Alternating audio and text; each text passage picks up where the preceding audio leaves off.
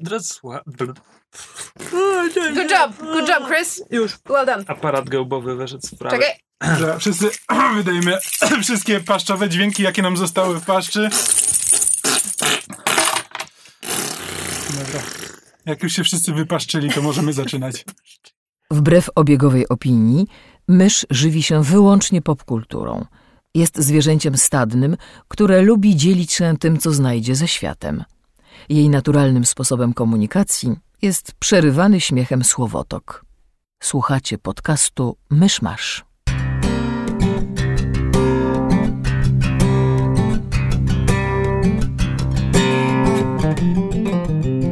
Drodzy słuchacze, jest 27 sierpnia 2018 roku, 135. rocznica wybuchu Krakatory. Zapraszam do 217 odcinka podcastu Myszmasz. Cześć, jestem Krzysiek Ceran, ze mną przy mikrofonie siedzi mysz, Halo! Kamil Borek Lu! i mamy gościa w tym odcinku, to Megu. Cześć, ale nie oczekujcie, że będę się dzisiaj dużo odzywać. Fantastyczny gość. Jak nie umiesz Megu z bloga Katus Gigus, to jakiś ten wstęp jest niepełny. No dobrze, że Megu z kanału Katus Geekus trzeba... A, tak. Megu, która udaje, że jeszcze robi coś w internecie. Nie Megu, która jest oficjalnie na wakacjach po prostu. Umówmy się. Tak jest. Każdemu się należą wakacje. No to przechodzimy tradycyjnie do y, newsów. Coś się wydarzyło, odkąd nas ostatnio nie było? No takim newsem, który zrobił na nas największe wrażenie, czytaj wciąż o nim pamiętamy w dniu, w którym nagrywamy ten podcast, jest to, że Danny Boyle jednak nie wyreżyseruje Bonda numer 25, jeśli dobrze kojarzę, Mhm. co jest z jednej strony, z jednej strony wydawało się, że już jest wszystko tak dokręcone, dograne i tak dalej, ale tak naprawdę on oficjalnie na stanowisku tego Bonda był przez 3-4 miesiące. To nie jest tak, że tam lata pracy idą Mhm. teraz. Ludzie już się zdążyli przywiązać. Reprodukcja poszła pewnie w ten, no bo jeśli nawet, jeśli rzeczywiście plotki są prawdziwe i poszło o to, że e, Danny Boyle chciał zatrudnić do roli głównego Łotra Tomasza Kota, po, znaczy w newsach, które czytałem było napisane, że to po roli w, e, w, Zimnej w wojnie. Zimnej Wojnie, ale potem gdzieś doczytałem, że tak naprawdę nie w Zimnej Wojnie, tylko e, i przeczytałem to i teraz nie pamiętam, tylko w jakimś innym filmie. E, Ale tak, no więc e, Polacy wszystkiemu winni. Rozwaliliśmy Bonda. E, Ale to jest rzecz, o której Będą wspominać myślą. na Oscarach. Ale mam wrażenie, że te newsy nie były do końca zgodne, jakby.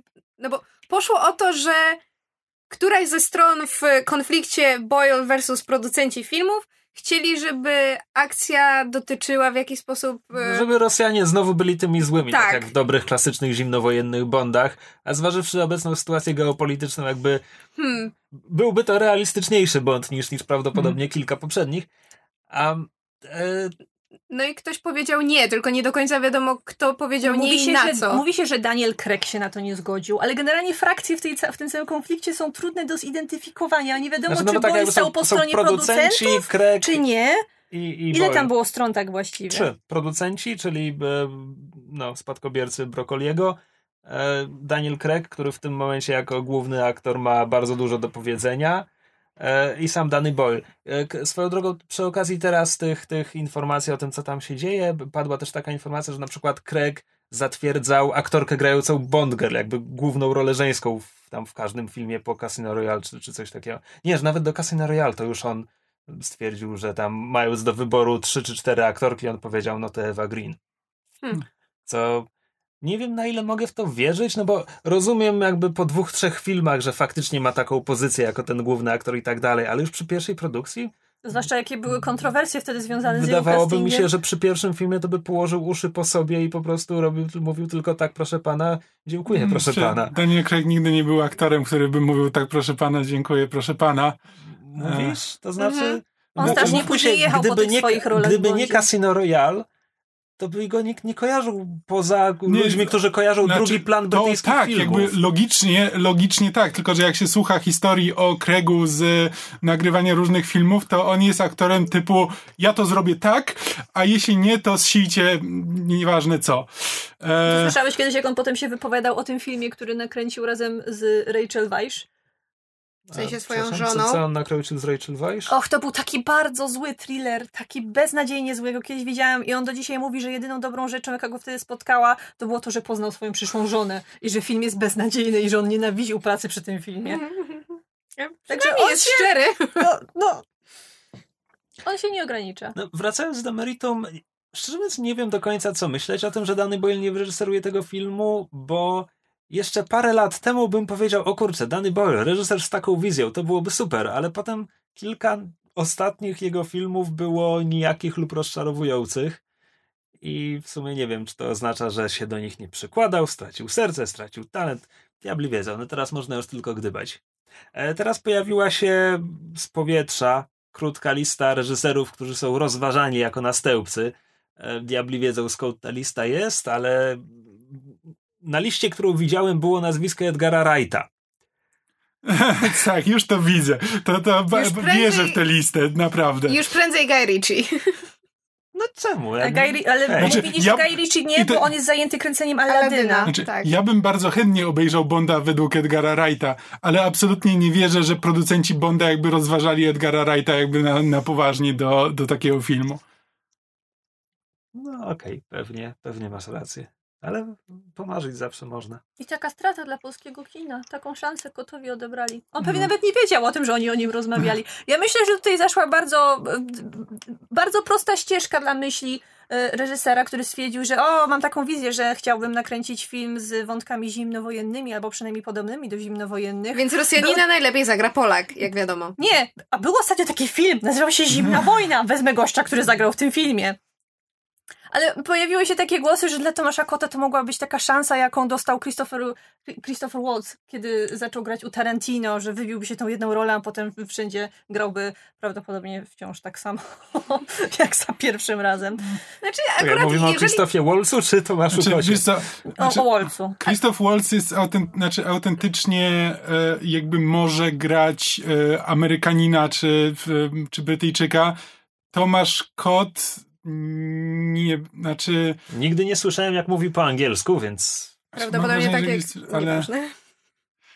no, znaczy nie wiem, być może, że Tomasz Kot by mnie zaskoczył i po prostu jest w stanie, jest w stanie pięknie, e, idealnie mówić, e, mówić po angielsku. Ale jeśli nie, to by go co najwyżej w, po takiej roli czekały kolejne role złych e, rosyjskich bad guyów. Ale biorąc pod uwagę e, film, który teraz niedawno miał premierę w Polsce, to znaczy ten, jak to się nazywa, Division 303, gdzie Który? e, ten, ten, ten, ten, ten niepolski, ten niesłuszny, e, gdzie rolę gra Dorociński, dobrze mówię? To jeśli miałabym na przykład wybierać właśnie polskie, polskie towary eksportowe, jeśli chodzi o aktorów, to Kot, Dorociński jak najbardziej. Niech robią karierę za granicą, Nie, niech im się dobrze powodzi. Podobno to jest straszny film. Znaczy, myśmy widzieli oba Aha, bo mój zwiastuny tata był i mówił, że spoko. Obejrzeliśmy oba zwiastuny w kinie przez zupełny przypadek i o ile wcześniej w internecie były te wszystkie burze, ponieważ jeden z nich, e, je- jeden z filmów próbował bardzo źle nastawić widzów do tego drugiego, powołując się na swoją własną prawilność i e, uberpolskość, to jednak powiedzia- powiedziałabym, że zwiastun tego polskiego filmu był o wiele lepszy od tego angielskiego. Ale Ale była różnica w CGI, chociaż nie, to były tylko takie prze, prze, przebitki, więc e, Ale nie da się aż tak dużo powiedzieć, ale po prostu i nawet Zakościelny i Adamczyk mówili bardzo ładnie po angielsku w tych filmach. Dorociński też w tym drugim. Także polscy aktorzy się pod tym względem całkiem nieźle szkolą. Jasne, gdzieś tam pewnie jakaś ta naleciałość akcentu jest i słychać, że to jest Europa około wschodnia.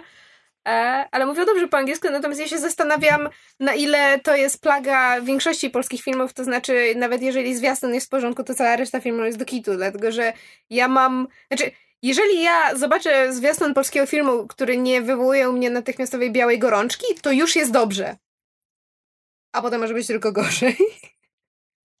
Jakaś polska szkoła kręcenia zwiastunów czy montowania zwiastunów jest absolutnie fatalna. To znaczy, jakby to są. Tam nie ma żadnej fabuły. Zwiastun to jest zlepek przypadkowych scen, przypadkowych dialogów, które nic ci nie mówią o tym, o czym będzie film. Jedyny powód, dla którego wiem mniej więcej, jaka prawdopodobnie jest fabuła obu tych filmów o Dywizjonie 303, jest taki, że byłyśmy na musicalu Piloci w Romie i zakładam, że to jest bardzo podobna fabuła. pewnie tak. Minus śpiewanie. A szkoda. No. E, to tym sposobem dygresyjnie żeśmy omówili parę rzeczy. E, czy jeszcze mamy jakieś newsy? Nic nie słyszę, nic nie widzę. W związku z tym, Przechodzimy dalej. tak, przechodzimy dalej. Um, książki czytałem. Nie. Nie może być. Mam, e, mam trzy książki, o których chcę powiedzieć e, krótko, krótko i trochę dłużej. E, I na pierwszy ogień pójdzie sequel książki Traun sprzed chyba dwóch lat. To są Gwiezdne Wojny oczywiście. Autorem jest Timothy Zahn, który postać był stworzył. I ta poprzednia, czyli Traun i tyle, nie ma więcej w tytule, była dla mnie ogromnym zaskoczeniem. Po pierwsze dlatego, że była bardzo dobra. E, po drugie dlatego, że Timothy Zahn, chociaż jest legendarnym autorem, jako ten, który pisał trylogię Trauna na początku lat 90., zasadniczo bez niego mówi się, że bez niego Expanded Universe być może nigdy by się tak nie rozkręciło, jak się rozkręciło. E, no bo tak naprawdę przed nim było kilka książek, ale jego były pierwszymi, które naprawdę odniosły sukces. A, a potem on wpadł w takie tory, nie chcę powiedzieć, że odcinał kupony, ale miał kilka takich książek, gdzie miał pomysł na opowiadanie i rozdmuchał je do rozmiarów powieści i tam po prostu nic nie było. E, I się, sięgałem też po jego książki poza, poza światem Gwiezdnych Wojen i żadna z nich mi się nie podobała. Hmm. Więc zacząłem się wahać, czy ja naprawdę lubię tego autora, czy lubię tych kilka książek, które mu przypadkiem wyszło. No a potem napisał Trauna, który był bardzo dobry. Teraz ukazała się powieść Traun Alliances, Traun Przymierza, E, która e, dotyczy tej samej postaci, tylko wpisuje ją w taką podwójną relację z Darthem Vaderem. A mówię podwójną, bo książka ma dwie warstwy, jak kanapka. I ta spodnia kromka to, to jest warstwa współczesna, kiedy jest Imperium i tak dalej, jest Darth Vader, a ta górna kromka to jest, e, to są retrospekcje z wojen klonów, kiedy Traun wysłany przez swoich ziomków, żeby, żeby tam badać, co się dzieje w tej szerszej galaktyce, spotyka generała Anakina Skywalkera. I mają swoją wspólną przygodę. No, ale kanapki zazwyczaj potrzebują też czegoś pomiędzy tymi kromkami. Szynki. Mm. Na przykład majonezu. Majonez, właśnie. Tył. Hmm, intrygujące, intrygujące, bo nie, nie, chcę powiedzieć, nie chcę powiedzieć, że szynką w kanapce Trauna i Darfa Vadera jest Imperator Palpatine, ale... To jest zupełnie inna książka. Jakby tego typu opowiadań też jest na pewno pełno w internecie, ale... Dobra, więc żeby naprawdę było szybko. E, w warstwie współczesnej Palpatine wysyła tych dwóch na misję, gdzieś tam jest zasugerowane, że, że to dlatego, że żeby oni się ze sobą dograli, E, a z drugiej strony Vader się, się boi rywala, a Traun nie wiemy, bo Traun jest nieprzenikniony, więc nie wiemy, co myśli. I wysyła ich na misję na, na granicę tak zwanych e, nieznanych regionów, z, z, których Traun się wywodzi, więc ta nazwa jest jakby jest nie, nie, nieznane dla Republiki Imperium, czy kto tam akurat włada. E, I tam się dzieje coś tajemniczego, co w jakiś sposób wiąże się z planetą, na której te 20 lat wcześniej E, Traun spotkał był generała Skywalkera i mamy też tamtą misję. A tamta misja polegała na tym, że Anakin poleciał na to kosmiczne zadupie, bo przepadła tam Padme. A Padme z, z kolei sprawdzała tam cynk od swojej służki szpieszki, która coś tam znalazła, ale nie powiedziała jej co. Powiedz to pięć Szpuszki. razy. Służki, spieszki, służki, spieszki, służki, spieszki. Śpioszki? Śpioszki? Śpioszki. Od swojej śpioszki. I teraz tak. Traun, e, Zan o nim teraz myślę, pan autor, e, Pamiętam, kiedy po raz pierwszy czytałem jego książki, trylogię Trauna i tak dalej, bardzo mi się podobało to, że u niego ci bohaterowie myślą. To znaczy, kiedy spotkają jakiś problem, to nie jest tak, że rzucają się na niego z mieczem, tylko najpierw sobie pomyślą, a potem rzucają się na niego z mieczem. Problem w tym, że Zan potrafi to doprowadzić do absurdu i kiedy poza tym nie ma tam jakiejś chwytającej fabuły i ciekawych postaci, to czytasz po prostu książkę z problemami logicznymi. Wiesz, Anakin Skywalker był zamknięty w celi o wymiarach 3 na 3 na 3 metry. Ściany były z kamienia, drzwi nie miały klamki, ale była mała szpara i przez tę szparę był ruch powietrza, więc Anakin Skywalker doszedł do tego, że gdzieś tam jest wyjście i po prostu...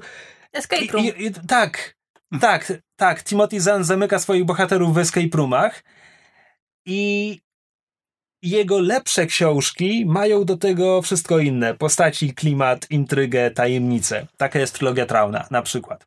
E, Traun miejscami taki był. Traun Alliances ma elementy tych lepszych książek. To znaczy, tak, relacja Trauna z Vaderem i Anaklinem jest bardzo ciekawa. Zan ma ciekawy pomysł na Darfa Vadera, kiedy opisuje nam jego życie wewnętrzne. To jest zawsze ten problem, gdzie nagle w książkach trał, tfu, Vader potrafi się zamienić w gadułę i mamy takie, czekaj, czy ta postać naprawdę powinna tyle mówić? Czy naprawdę powinna dyskutować z tym człowiekiem zamiast go tylko udusić? E, więc to tutaj trzeba trochę zawiesić niewiarę, że to wciąż jest ten Vader. No ale, ale na przykład e, Zan opisuje, kiedy Vader sobie coś przypomina z czasów wojen klonów, to to nie są jego wspomnienia, to są wspomnienia Jedi. Jakby on myśli o Anakinie Skywalkerze jako Jedi, bez, bez imion, bez nazwisk i tak dalej, jakby odseparowuje się ścianą od tamtego życia. To jest nawet niezłe. E, potem blisko w finale pojawiają się jakieś sekrety z życia e, nie tyle Trauna, co, co jego ludzi, czyli, czyli Cisów i jeśli ktoś jest fanem i tam wydłubuje sobie informacje o tych wszystkich gwiezdnowojennych gatunkach i tak dalej, to tam są ciekawe rzeczy. Problem w tym, że poza tym nie ma tu wiele. I, I to jest tak, to nie jest tak, że Zan miał pomysł na opowiadanie, które rozdmuchał do rozmiarów powieści. Miał pomysł na dwa opowiadania, mm. które skle, skleił w jedną książkę i rozdmuchał do rozmiarów powieści. I to jest trochę mało. Mm. Więc, więc to było rozczarowanie niestety, ale nie tak. Czytałem już gorsze jego książki. Czytałem ich z pięć. Dobra. Teraz zmieniając, zmieniając galaktykę i w ogóle, e, porozmawiajmy w tym podcaście o prawdziwym świecie dla odmiany. Bo przeczytałem dwa reportaże wydawnictwa Czarne i pierwszy z nich to Moja jest. Krew. I moje książki. Jedną mi sprezentowałaś. Ja ci ją kupiłam, no. No mów, mów. Więc pierwszą z nich jest e, Ulica Wiecznej Szczęśliwości, o czym marzy Szanghaj. Reportaż Roba Szmica, Amerykanina, który e, wybrałem w ciemno, bo miał Szanghaj na okładce, a to jest miasto, z którym mam taką ambiwalentną relację. To znaczy, byłem w nim parę razy i zasadniczo niczego nie cierpię, ale, ale chciałem o nim poczytać. Problem polega na tym, że o ile Rob Schmitz rozmawia z mieszkańcami Szanghaju, to przeprowadza z nimi rozmowy po to, żeby opowiedzieć szerzej o całych Chinach, a nie konkretnie o mieście Szanghaju, które w tym momencie mnie interesowało, no bo w Chinach A. Byłem wielokrotnie, B. Czytałem już ileś książek na temat Chin, jakby mam jakby mam podstawową wiedzę i trochę ponad podstawową wiedzę, a ten, te, ta ulica Wiecznej Szczęśliwości powiedziałbym, że nie wychodzi daleko poza ten podstawowy poziom, ponieważ Rob Schmitz, on tam mieszkał przez parę lat, w ogóle ze swoją żoną i dziećmi, więc jakby brał udział w, w codziennym życiu tej, tej ulicy, rozmawiał z y, mieszkańcami, z sąsiadami, z ludźmi, którzy tam prowadzą jakieś małe biznesy. E, towarzyszy im potem. E, I każdy rozdział opowiada na podstawie historii któregoś z tych sąsiadów, opowiada o jakimś szerszym aspekcie życia w Chinach czy historii Chin. Tylko, że to są takie trochę standardy, kiedy czytasz o Chinach. No więc mamy kogoś, kto wspomina okres rewolucji kulturalnej, mamy kogoś, kto przeszedł przymusową reedukację na wsi jako intelektualista albo kapitalista. E, mamy historię tego, jak system meldunku chińskiego rozwala ludziom życie. W Chinach jest taki system, to się nazywa hukou. Masz zameldowanie, które przypisuje cię do miejsca twojego urodzenia. Możesz się poruszać po kraju teraz, ale jeśli na przykład wyemigrowałeś ze wsi do miasta i w mieście jesteś robotnikiem jakby bez ciebie by tam miasto nie funkcjonowało, bo miasto potrzebuje tych wewnętrznych migrantów. E, ale jeśli urodzą ci się tam dzieci, nie możesz ich legalnie posłać do szkół w mieście, hmm. bo, bo one nie będą miały miejskiego meldunku. A, no jakby ja to już wiem i teraz czytam książkę, która po prostu mówi mi to, mówi mi to jeszcze raz, tylko na przykładzie, jasne, nie czytałem konkretnie o tych ludziach nigdy mm. wcześniej, no bo nikt wcześniej inny o nich nie napisał. E, było tam parę rzeczy, których e, z tematów, z którymi dotąd się nie spotkałem. Więc na przykład jedno z bohaterek jest taka e, staruszka, która na emeryturze przepuszcza wszystkie swoje pieniądze na cudzysłów pewne inwestycje, o których jacyś, jacyś ludzie, którzy po prostu robią przekręty i wyciągają pieniądze od, od emerytów, rencistów i, i kogo tam jeszcze i, zapewniają, że za miesiąc wchodzimy na giełdę w Londynie, zero, zero ryzyka tego typu, tego typu biznesy. E, jest rozdział, który dotyczy człowieka, który, który odnajduje buddyzm, bo szukał czegoś przez całe życie i nagle się okazało, że, że jest buddyzm. E, I to się trochę skupia na współczesnym funkcjonowaniu świątyń w Chinach. To jest temat, o którym dotąd nie czytałem, ale ogólnie to jest taka jeśli jesteście zainteresowani Chinami ale dotąd nie czytaliście o Chinach, to jest dobra pozycja na początek. Mhm. Jeśli czytaliście trochę o Chinach, to wciąż jest dobra pozycja. Jeśli czytaliście już sporo, to nie będzie tam dużo nowego. Ale wciąż czyta się to nieźle. Natomiast dużo lepiej czytało mi się em, drugi z reportaży wydawnictwa Czarne. E, przy- pomóż mi z tytułem. Kwiaty w pudełku, Japonia oczami kobiet. No widzisz, poradziłeś sobie sam. Brawo. Autorstwa, autorstwa Karoliny Bednarz.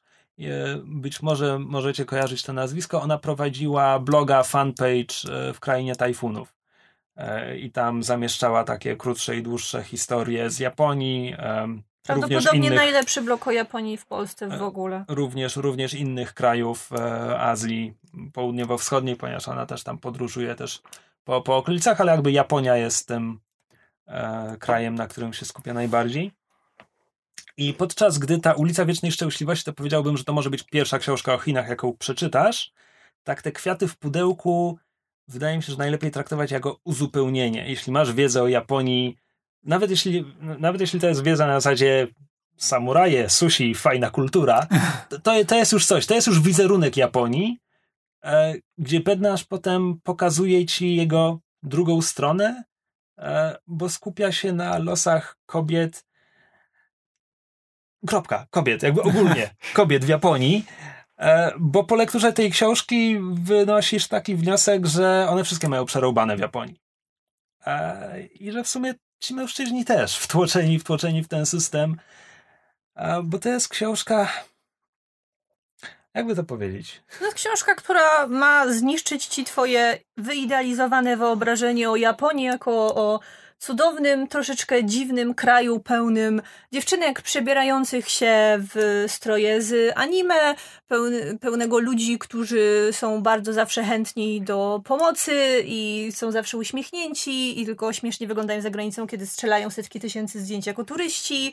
Generalnie książka pełna rzeczy, o których ja już wiedziałam, będąc totalnie rozczarowana Japonią po moich pięcioletnich studiach, ponieważ jest bardzo mało osób, które kończąc japonistykę nie mają nie zrzucają klapek z oczu, bo kiedy się przychodzi na japonistykę, to ma się takie, ma się to takie przeświadczenie, jej, będziemy oglądać anime i tłumaczyć mangę na zajęciach z, z języka, a potem po, po paru latach, jak tak wgłębiasz się trochę bardziej w historię, w społeczeństwo, a nie daj Boże, jeszcze tam pojedziesz i będziesz tam długo y, pracował w którejś z y, korporacji, to, to, to, to, to już w ogóle całkowicie zmienia twój, o, twoje wyobrażenie o, o tym kraju.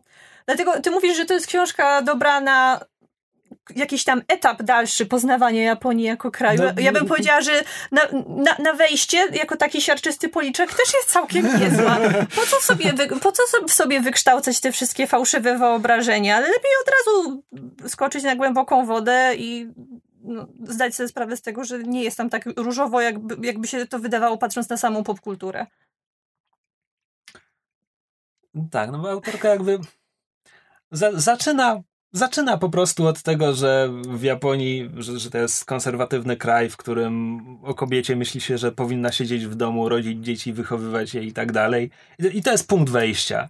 A potem masz dalsze rozdziały, e, na przykład już skracające w bardzo konkretne e, kierunki, czyli na przykład e, niemalże zerowa tolerancja i pomoc dla, dla społeczności LGBT w, w tym kraju, albo e, dobra, bo No, musisz- jest, jestem, jestem, jestem, o krok, jestem o krok od tego, żeby po prostu omówić rozdział po rozdziale, bo tam ka każdy rozdział, to punktem wyjścia jest rozmowa z, jaką, z, jakąś, e, z jakąś Japonką, e, i albo poznajemy jej historię, albo tym czasami rozdział po prostu jest poświęcony jej w całości, jeśli to jest jakiś konkretny przypadek. E, Jest tam na przykład rozdział o kobiecie pochodzącej z wioski, gdzie jakaś fabryka plastikowego czegoś po prostu zatruwała e, rtęcią morze, więc tam ludzie, ludzie rodzili się z wadami wrodzonymi. E, To jest na przykład e, cudzysłów, wesoły rozdział, zamknąć cudzysłów. Generalnie w Japonii, jeżeli jesteś lesbijką, masz przejebane.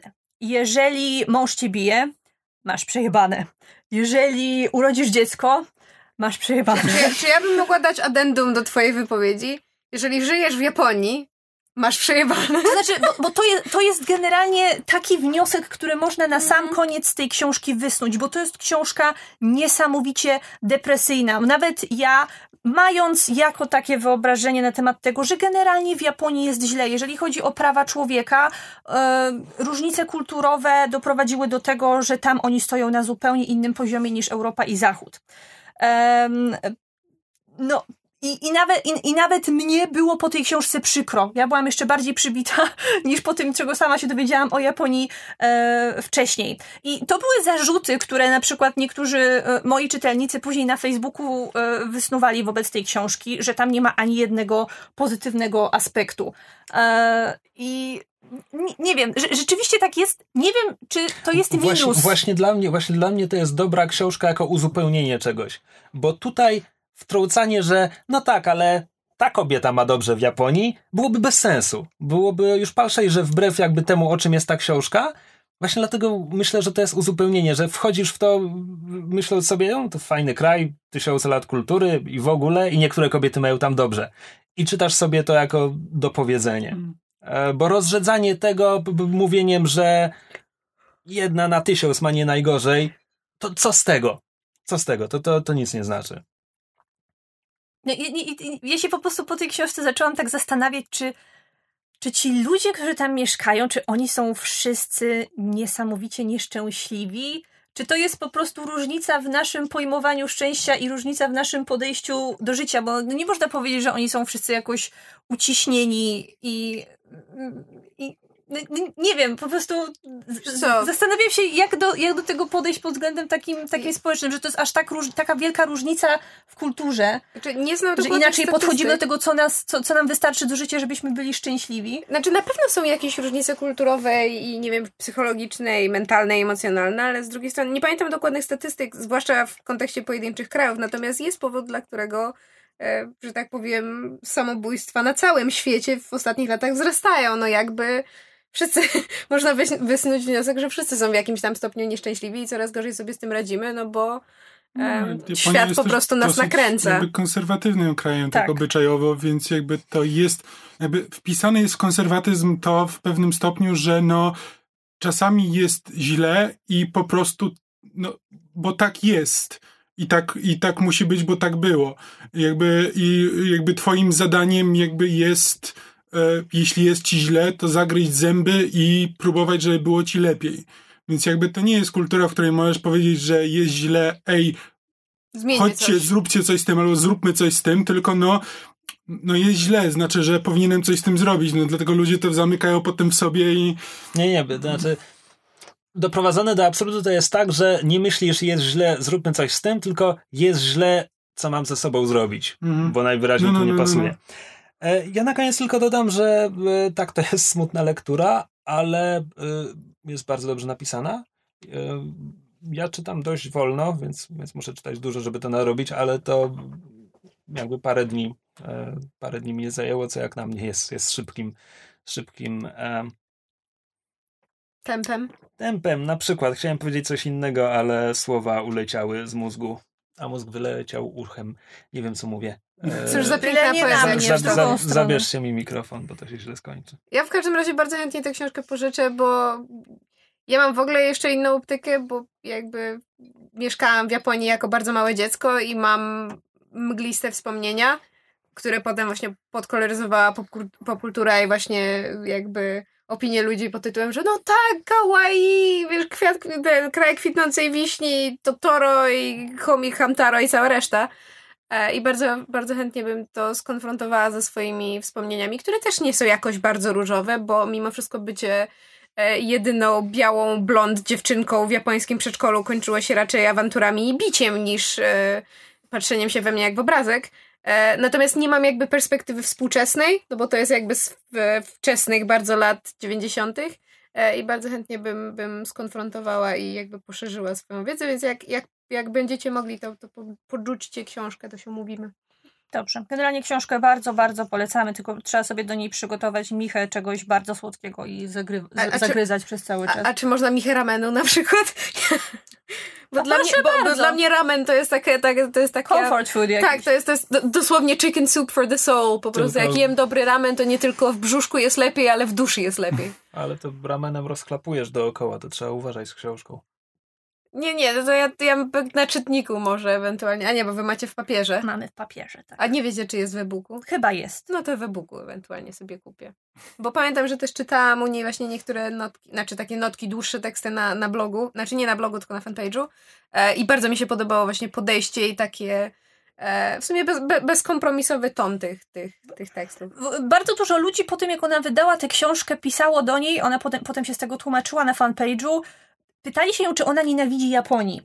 I ona musiała się tłumaczyć z tego, że, że napisanie książki, która ukazuje tak Japonię w tak negatywnym kontekście, nie wynika z tego, że ona tego kraju nienawidzi, wręcz przeciwnie, że bardzo, bardzo, go, Mhm. bardzo go kocha i kocha tych ludzi i po prostu chciała opowiedzieć ich historię.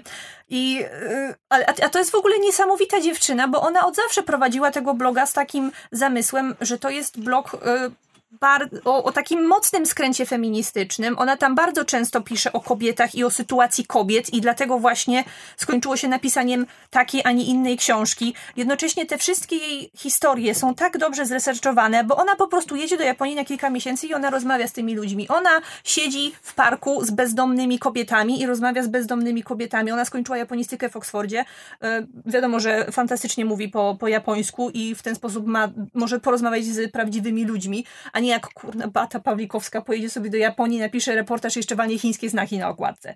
Także e, true Mego się, mego się ulało. True, true story. No, także książka e, jest bardzo godna polecenia, więc możecie sobie ją przeczytać. To jeszcze raz tytuł. Tytuł Kwiaty w pudełku, Japonia oczami kobiet, autorka Karolina Bednarz i właśnie sprawdziłem, owszem, jest e-book. e-book. O, to ja już wiem, co kupię, jak wyjdziemy ze studia. To To zanim... O, przepraszam. To zanim... Wow. People. To zanim Krzyś przejdzie do omawiania trzeciej książki, to Kamil, ty coś ostatnio widziałeś. Ja już omówiłem trzy książki. To były trzy książki? Tak. Nie słuchałam. Zakrzywienie Dwa reportaże i książka Zana. A, bo ja jakoś zarejestrowałam, że te dwa reportaże to tak razem i że jeszcze jest trzecia książka. To teraz wychodzi na to, że nieuważnie Krzysia Cała słucham. Azja się jej miesza, rasistka. Co? A co ty sprawdzasz? Co? Fejsa przeglądam. Ale wiesz, że to się nagrywa. Nieważne. No wiem. Ja wiem. Specjalnie to powiedziałam, bo wiesz, że się nakrywa. Dobra, dobra, ja przejdę, bo skoro jesteśmy w temacie reportażu, to um, obejrzałem film dokumentalny i jakby nie, wypada chyba wspomnieć, bo dostaliśmy jakby jako podcast dostaliśmy klucz e, do obejrzenia, bo to jest film, który jest dostępny na Steamie z jakiegoś dziwnego powodu. Znaczy, nie z dziwnego powodu, bo to jest klucz o game devie i to Znaczy, film. o polski. Klucz o Kurwa. game devie. Film Klucz jest, do serca game devu. film jest o game devie, czyli o branży, e, branży growej. Jest tam dużo Em, kluczy? Aż nawet nie o branży, bo to jest ko- o konkretnym zespole, który two- stworzył jedną konkretną grę. E, jakby zespół nazywa się Lichthund i stworzyli grę Lichtspiel. E, to jest polski. polski Wonderbar. po, Polska ten. E, Zdrowie. polski indie developer.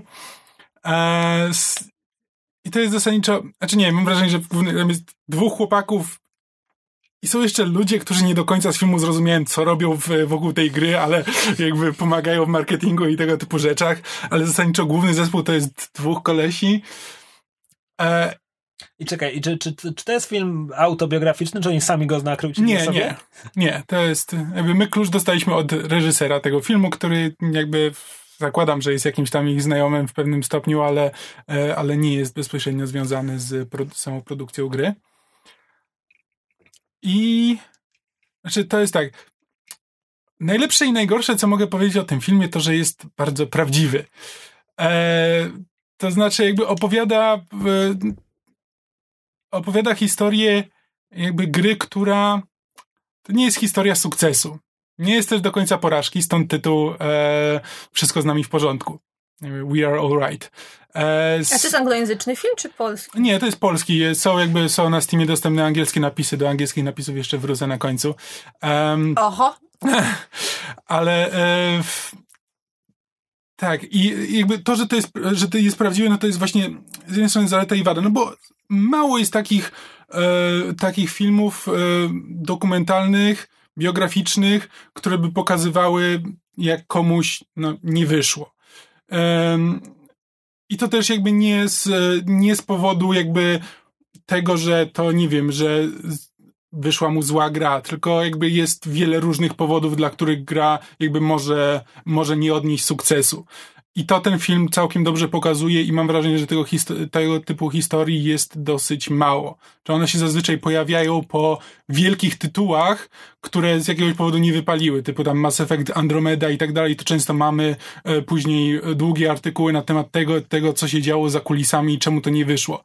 E, ale małe, mam wrażenie, nie znam wielu takich historii, jakby małych grupek ludzi, którzy się zebrali coś z pasji zrobić i bardzo chcieli i robili niby wszystko w porządku, a i tak, e, a i tak nie do końca wychodzi. Więc pod tym względem to jest bardzo, e, bardzo fajne, bardzo interesujące. Ale z drugiej strony też niestety to nie jest wina samego filmu, bo film ma bardzo fajną strukturę, bardzo fajny klimat, tylko że obiekt samego filmu, ten zespół, który to robi, nie ma takiego instynktu do tego, żeby opowiadać o tym ludziom z zewnątrz. Znaczy, to jest film, który na pewno ludziom, którzy już siedzą w game devie i na przykład chcą uniknąć pewnych pułapek, na pewno będzie dla nich korzystny i, i, będzie jasny, zrozumiały. Natomiast jeśli ktoś po prostu wchodzi z zewnątrz, na przykład zupełnie nie wiedząc nic, po prostu grając sobie w gry, ale nie wiedząc na czym, jak się je tworzy i nie znając podstawowych pojęć, no, film stara się wyjaśnić, tam czasami podrzucać na ekranie pojawiać się definicja, czym jest crunch, jeśli mówią o crunchu. E, to jest tam okres, e, okres zazwyczaj pod koniec produkcji, kiedy trzeba wzmożyć e, działania. Tylko, że oni tak mówią cały czas. Oni mówią cały czas żargonem, oni mówią o rzeczach, które dla nich są jasne, ale dla widza, który wchodzi do tego z. E, no nie wiem, ja wchodzę tam z powiedzmy moim, e, moim zdaniem średnim poziomem wiedzy nie siedzę w game devie, nie znam się do końca na tym, ale czytałem, ale zazwyczaj czytam, czytam sporo artykułów właśnie od tej strony tych dużych produkcji, e, więc tam pewne rzeczy, pewne rzeczy wiem, ale nadal momentami słuchając, jak rozmawiają o tym, co teraz muszą zrobić, kto im, e, kto co zawalił, co, co nie działa, e, potrafię się, potrafię się pogubić. Jakby mniej więcej wiem o co chodzi, ale, ale dużo szczegółów mi się gubi i mam wrażenie dosyć ważnych szczegółów. Mm. I oni o, o, tym mówią w taki sposób, jakby rozmawiali ze sobą. Nie, nie, nie mówią, choć są jakby tak zwane te confessionals, kiedy siedzi jeden z nich przed kamerą, jakby mówi o czymś, e, o jakimś aspekcie gry, to nadal nie czujesz, że on mówi do widza, że on mówi do kogoś, kto e, na tym się nie zna, tylko on o tym opowiada tak, jakby opowiadał to koledze z branży. E, I to jest niestety, to jest największy, największa wada tego filmu, największa pułapka, e, i może, może wiele osób odrzucić, ale mimo wszystko, jeśli ktoś się interesuje tematem, to warto, warto się w to zagłębić i dać temu szansę, bo jest tam sporo interesujących e, zagadnień. Ja bym tutaj y, szybko wtrącił y, parę miesięcy w tym momencie temu mówiłem o książce Blood, and Sweat and Pixels Jasona Schreiera, mm. która właśnie dotyczy game devu, a przy tym jest bardzo przystępna dla, dla mm. świeżego czytelnika. E, chcę mi przypomnieć, bo SQN wyda polskie wydanie pod tytułem Krew, Pot i Piksele bardzo niedługo, nie pamiętam konkretnie kiedy. Mhm. Także warto. Tak. Więc ten film, on kosztuje chyba 10 zł na Steamie, więc to nie jest wielki wydatek, więc jeśli ktoś się interesuje tematyką e, game devu, no to warto, warto sobie rzucić okiem. E, I jakby niewiele się straci, jeśli się okaże, że to kompletnie, kompletnie wam nie podpasowało. I jakby wydaje mi się, że to jest fajna historia, ale raczej dla tych zainteresowanych tematem. Miałeś coś powiedzieć o angielskich napisach? Tak, miałem powiedzieć o angielskich napisach. Miałem nie mówić o angielskich napisach, no bo angielskie napisy sobie były. E, I tak jak to mają w zwyczaju angielskie napisy do polskich filmów, e, są zazwyczaj w porządku, jakby są zrozumiałe, ale jest tam mnóstwo takich e, po prostu sformułowań, które ewidentnie są kalkami z polskiego, które nie brzmią, nie brzmią po angielsku, są e, ewidentne byki, jak pisanie staring, staring, jakby w znaczeniu patrzeć się przez dwa R. Takie po prostu głupie, z jednej strony głupie błędy, z drugiej strony kalki e, i parę takich rzeczy, których po prostu prawdziwy Anglik czy Amerykanin w życiu by nie powiedział. E, no ale sobie pomyślałem, że no to jest indie film, prawdopodobnie tłumaczył to jakiś kolega kolegi, kto tam znał angielski, no bo wiadomo, Czyli, trzeba na czyli miałeś oszczędzić. o nich nie mówić. Miałem o nich nie mówić. Ale potem cię obraziły. Ale nie, potem doszedłem do końca, jakby wczytałem sobie napisy, które zrobił i się okazuje, że za te napisy odpowiada e, tłumaczenie stworzyły dwie osoby i jeszcze trzecia robiła korektę i odpowiada za to jedno z największych studiów odpowiedzialnych za lokalizację gier w, w Polsce. Znaczy e, nie studiów, tylko biur tłumaczeń odpowiedzialnych za lokalizację e, gier w Polsce. E, nie będę wymieniał, nie A, będę czekaj, wymieniał czekaj, będę strzelać, kulok. E, Nie będę wymieniał nazwy. E, a, I szczerze mówiąc, jak na, jak na profesjonalnie zrobione napisy, jakby nominalnie, to były bardzo złe. Jakby odpuściłbym, gdyby to były, wiesz, że po prostu no, indie film potrzebował napisów, ktoś im to zrobił, jakby Szwagier jedna zrobił. osoba e, bez korekty. w- Jakby i wszystkie trzy nazwiska są polskie, nie ma tam ani jednego, jakby nie ma korektora angielskiego i tak dalej, więc mm, jakby no, Szaj, dla, dzyń, dla, dzyń, dzyń, dzyń. no dla, dla polskiego widza no to nie będzie nic znaczyło, no bo nie będzie tego oglądał z napisami, ale no jak się z tym chce jeszcze wyjść trochę na, na zewnątrz, no to szkoda, że tak wyszło. No. Że tak jak mówię, no to jest wartościowy film, tylko ech, niestety ma, ma pewne drobne problemy, których nie może przeskoczyć. Teraz czas przejść do premiery tygodnia. Już się wszyscy wygadali.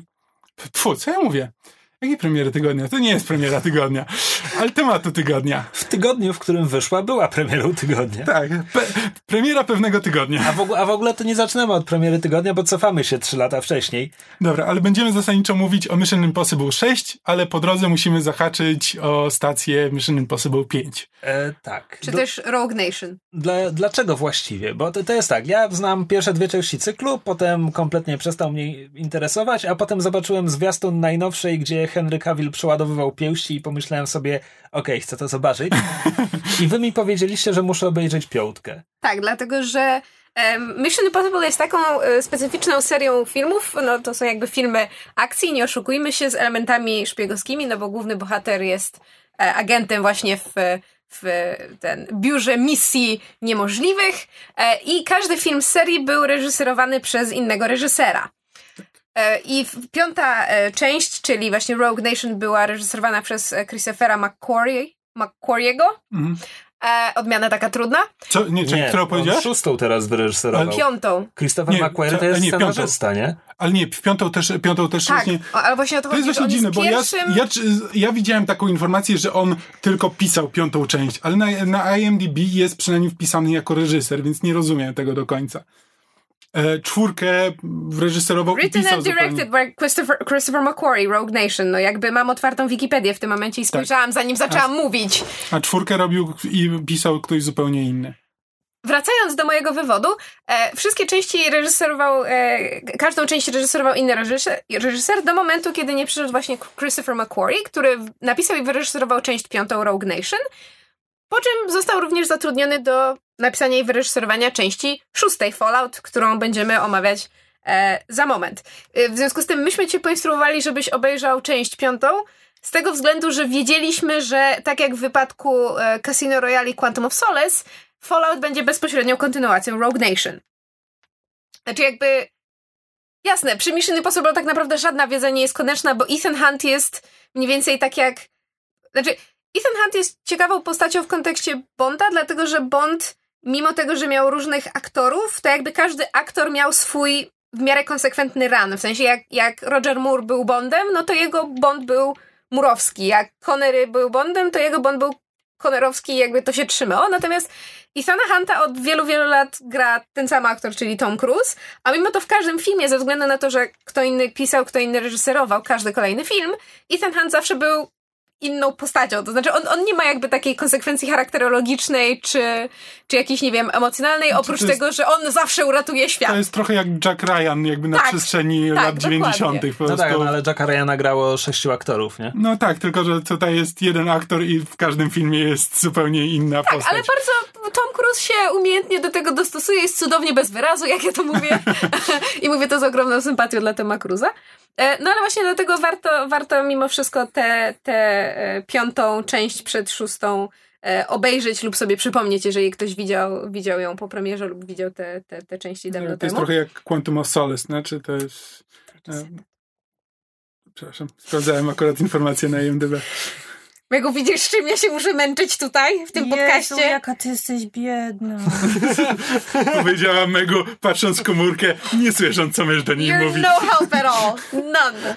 Whatsoever. Dobrze.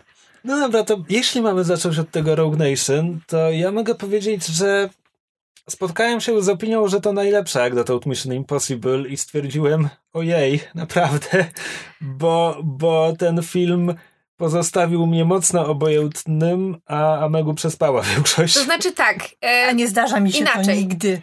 Są różne rankingi, ludzie w różnej, że tak powiem, kolejności hierarchizują Mission Impossible. Pierwszy jest e, jakby fantastycznym takim thrillerem czy kryminałem szpiegowskim Hmm. e, w, w stylu jakby lat późnych 90., wczesnych To był Brian 2000. De Palma, prawda? Mhm. Tak, e, i jakby to, to bardzo czuć. Drugi film z kolei to jest e, John nie, Woo, Gołębie, tak, widziałem. niemalże slapstickowe To jest sceny prostu akcji. czysty rule of cool. Ja, ale ja kocham dwójkę. Nikt mi, nikt mi tego po prostu No. nie będzie w stanie perswadować, ja dwójkę kocham. Natomiast ja bardzo lubię trójkę, głównie z tego To, to względu... ten, gdzie ma żonę przez pół filmu. Tak, Tak, i gdzie jest Philip, Abrams tak, i gdzie jest Philip Seymour Hoffman, który jakby jest główną zaletą dla mnie tego filmu, bo Tak. po On prostu... On tam grał? On tam gra Wilana i jest fenomenalny. Tak, to jest naj, naj, naj, największa zaleta tego filmu. Tak, a oprócz tego, że również w trzeciej części zaczyna się, znaczy pojawiają się, e, pojawia się jakby kolejna postać, która dochodzi do stałego składu, no bo jakby Ving Rhames, czyli grający postać Lutera w serii, pojawia On się jest w... od pierwszej części, nie? On jest chyba od drugiej. Tak? Mam, Hmm, Mam takie ja ci nie wrażenie. powiem, bo ja nie znam tak Em, dobrze. a może od pierwszej, tylko że od Ty, końcówki ty mów, ja pierwszej. sprawdzę. E, dobrze. E, jak widzicie tutaj wszystkie informacje sprawdzamy na bieżąco, z ostatniej chwili. Znaczy, Ale przede wszystkim pojawia się tam... Simon Pegg. Tak, maskotka e, J.J. Abramsa. Jedna tak, z. Jedna z maskotek. E, tak, pojawia się Jakie Simon są Pegg. inne? Em, Greg Grunberg, ten z Heroesów, który grał policjanta Mata. A, rzeczywiście. Ma rulkę w każdym jego filmie. Tak, to jest, to jest jego królicza łapka. Wliczając to Star Treka i Gwiezdne Wojny. Mhm. E, natomiast w trzeciej części pojawia się, pojawia się Simon Pegg i pojawia się również e, wspomniana przez Krzyś, Krzysztofa żona Itana Hunta, grana przez Bridget Monahan. Michelle Monaghan. That's what I said. Michelle Monahan. Who's Bridget? Ona mi wygląda tak po prostu irlandzko i celtycko, to stąd to imię. E, tak, Michelle Monahan. E, On się zawsze, wiesz, z kim mi się zawsze myli? Z Selmą Blair. Michelle Monaghan? No. Okej, tego zupełnie nie widzę. Okej. Ona mi się, ona mi się z kolei myli z Ruth Wilson, ta z The Affair. Tak, właśnie. A. Tak. Ma sens. Tak. E, po czym jest e, czwarta część? Czwarta część to jest ta, w której dochodzi do ekipy Jeremy Renner. I jest akcja na Burj On Khalifie. jest w czwartej części. On jest w czwartej części. On się w czwartej pojawia jako ten właśnie agent, który ma patrzeć Itanowi na ręce i nie wiadomo, czy jest po jego stronie, czy nie, ale potem dołącza do zespołu. Znaczy, czyli, czyli rola Henry'ego Cavilla z szóstego filmu. W każdym filmie jest taka, te, te, taka postać, praktycznie rzecz Znaczy, biorąc. tak, jakby IMF On- jest znaczy, pod ciągłym wiecie, nadzorem kogoś, kto uważa, stało że... w Ludzie- tym najnowszym filmie? Jego nie ma w najnowszym. Y, Renera nie ma w Nie ma, bo go zastąpił chwilowo Alec Baldwin. No, ale, ale Alec Baldwin był w, w W piątce. piątce. Był w piątce, ale też Tak, jakby. ale nie wyjaśnij, oni ale się, jakby w oni się piąt- trochę wymienili, dlatego że Renner w piątce spełniał rolę jakby. Ponieważ nie było sekretarza, Ale który by takim de facto nadzorował. przywódcą IMF-u, bo nie, nie było przydzielonego sekretarza. A potem jak Aleka Baldwina przy, przy, przydzielili na sekretarza, tutaj trochę spoilujemy piątkę, ale nobody cares, to, to jakby potem Mhm. Renner, Renner odszedł, poza tym pewnie miał lepsze rzeczy do robienia, jak nie kręcenie Avengers. Przepraszam. E, To ja ci wejdę w słowo, żeby powiedzieć, że Ving Rhames był już w pierwszym Mission Impossible. Czyli musiał być na samym końcu jak... Tak, dobra, już wiem. Już go widzę. Okej. Em, wracając. W czwórce mieliśmy, em, pojawia nam się Renner, była fantastyczna akcja na e, wieżowcu w Burj Khalifie w, w Dubaju. E, I potem pościg w chmurze burzy piaskowej, jeśli dobrze pamiętam. Coś takiego. E, To jest, to jest ten film, gdzie Tom Cruise y, pieszo przegania burzę piaskową, tak? Tak, Tak. tak, To jest drugi taki film, bo jeszcze jest mumia. Nie zapominaj. A, a potem mamy właśnie pi- piątą część, w której em, do zespołu, znaczy do zespołu, do em, obsady filmu dołącza e, posla, e, po, postać e, Isly Faust.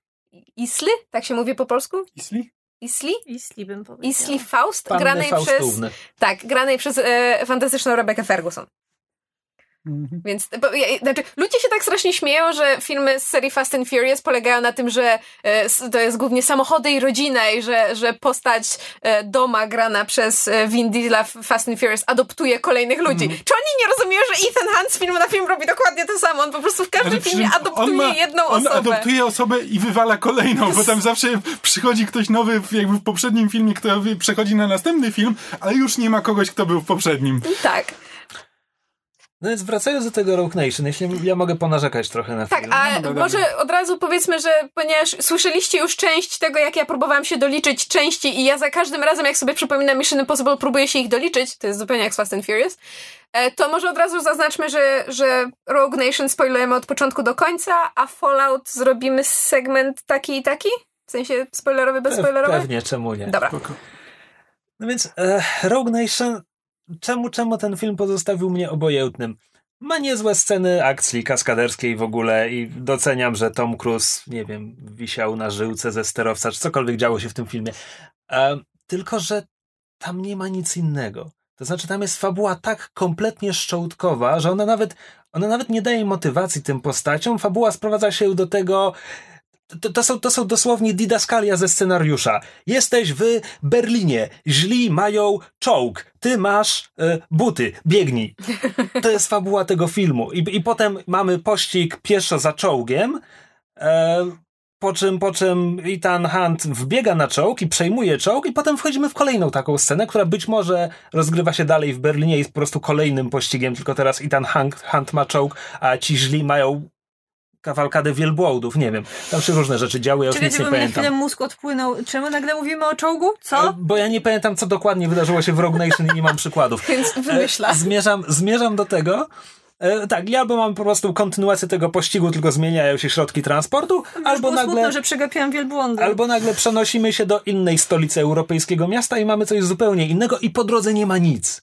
I w momencie, kiedy mówimy, że to są filmy z elementami kina szpiegowskiego, no to jeśli porównujemy je na przykład z Bondami, bo to jest nasz główny wzorzec e, sensacyjnego kina szpiegowskiego, no to Bond ma zawsze czas, żeby zachwycić się pięknym miastem, piękną Kobietą. kobietą, napić się. On czerpie przyjemności z życia. I jasne, on jest hedonistą i poza tym nie ma charakteru, ale przynajmniej robi cokolwiek poza swoim zawodem, a Ethan Hunt jest takim kompletnym pracocholikiem, że tam nic nie ma.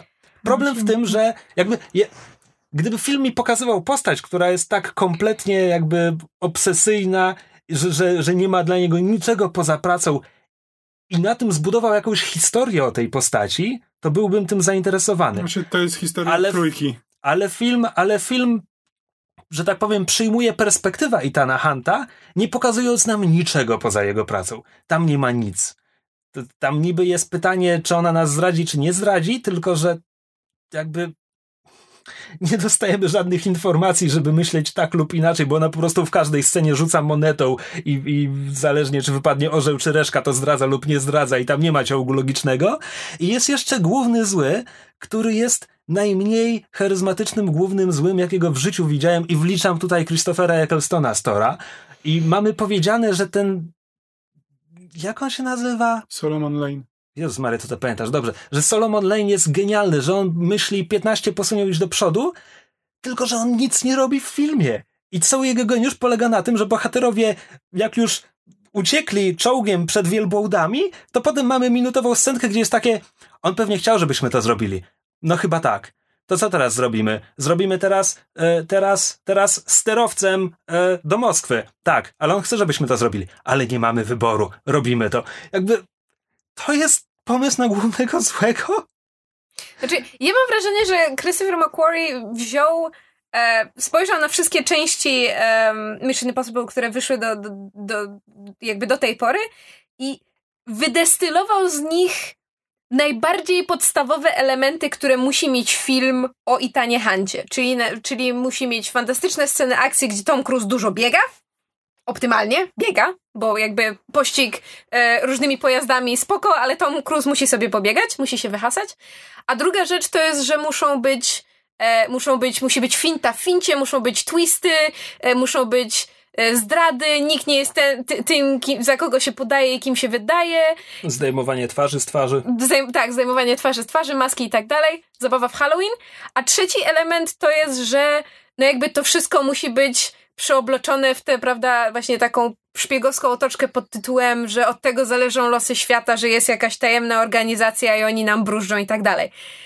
Tylko, że jakby w pierwszym, e, w pierwszym Mission Impossible, gdzie właśnie De Palma reżyserował, to tam jednak te, te elementy thrillera, tego napięcia na zasadzie okej, okay, ktoś zdradził, kto zdradził, agenci nam giną po kolei, co się dzieje, jakby to budowanie napięcia było zrobione dobrze. Z kolei Wu w dwójce poszedł już totalnie tylko i wyłącznie faktor, to, to jak to było, te, to, to było rule of cool, co Kamil wspomniał, że jakby nieważne co się dzieje, ważne, żeby się działo widowiskowo i musi być bardzo dramatycznie i jeżeli się pojawia kobieta, to ona jest od razu zagrożona, a jeżeli e, oni się poznają, to oczywiście na tle wybuchów i tak dalej.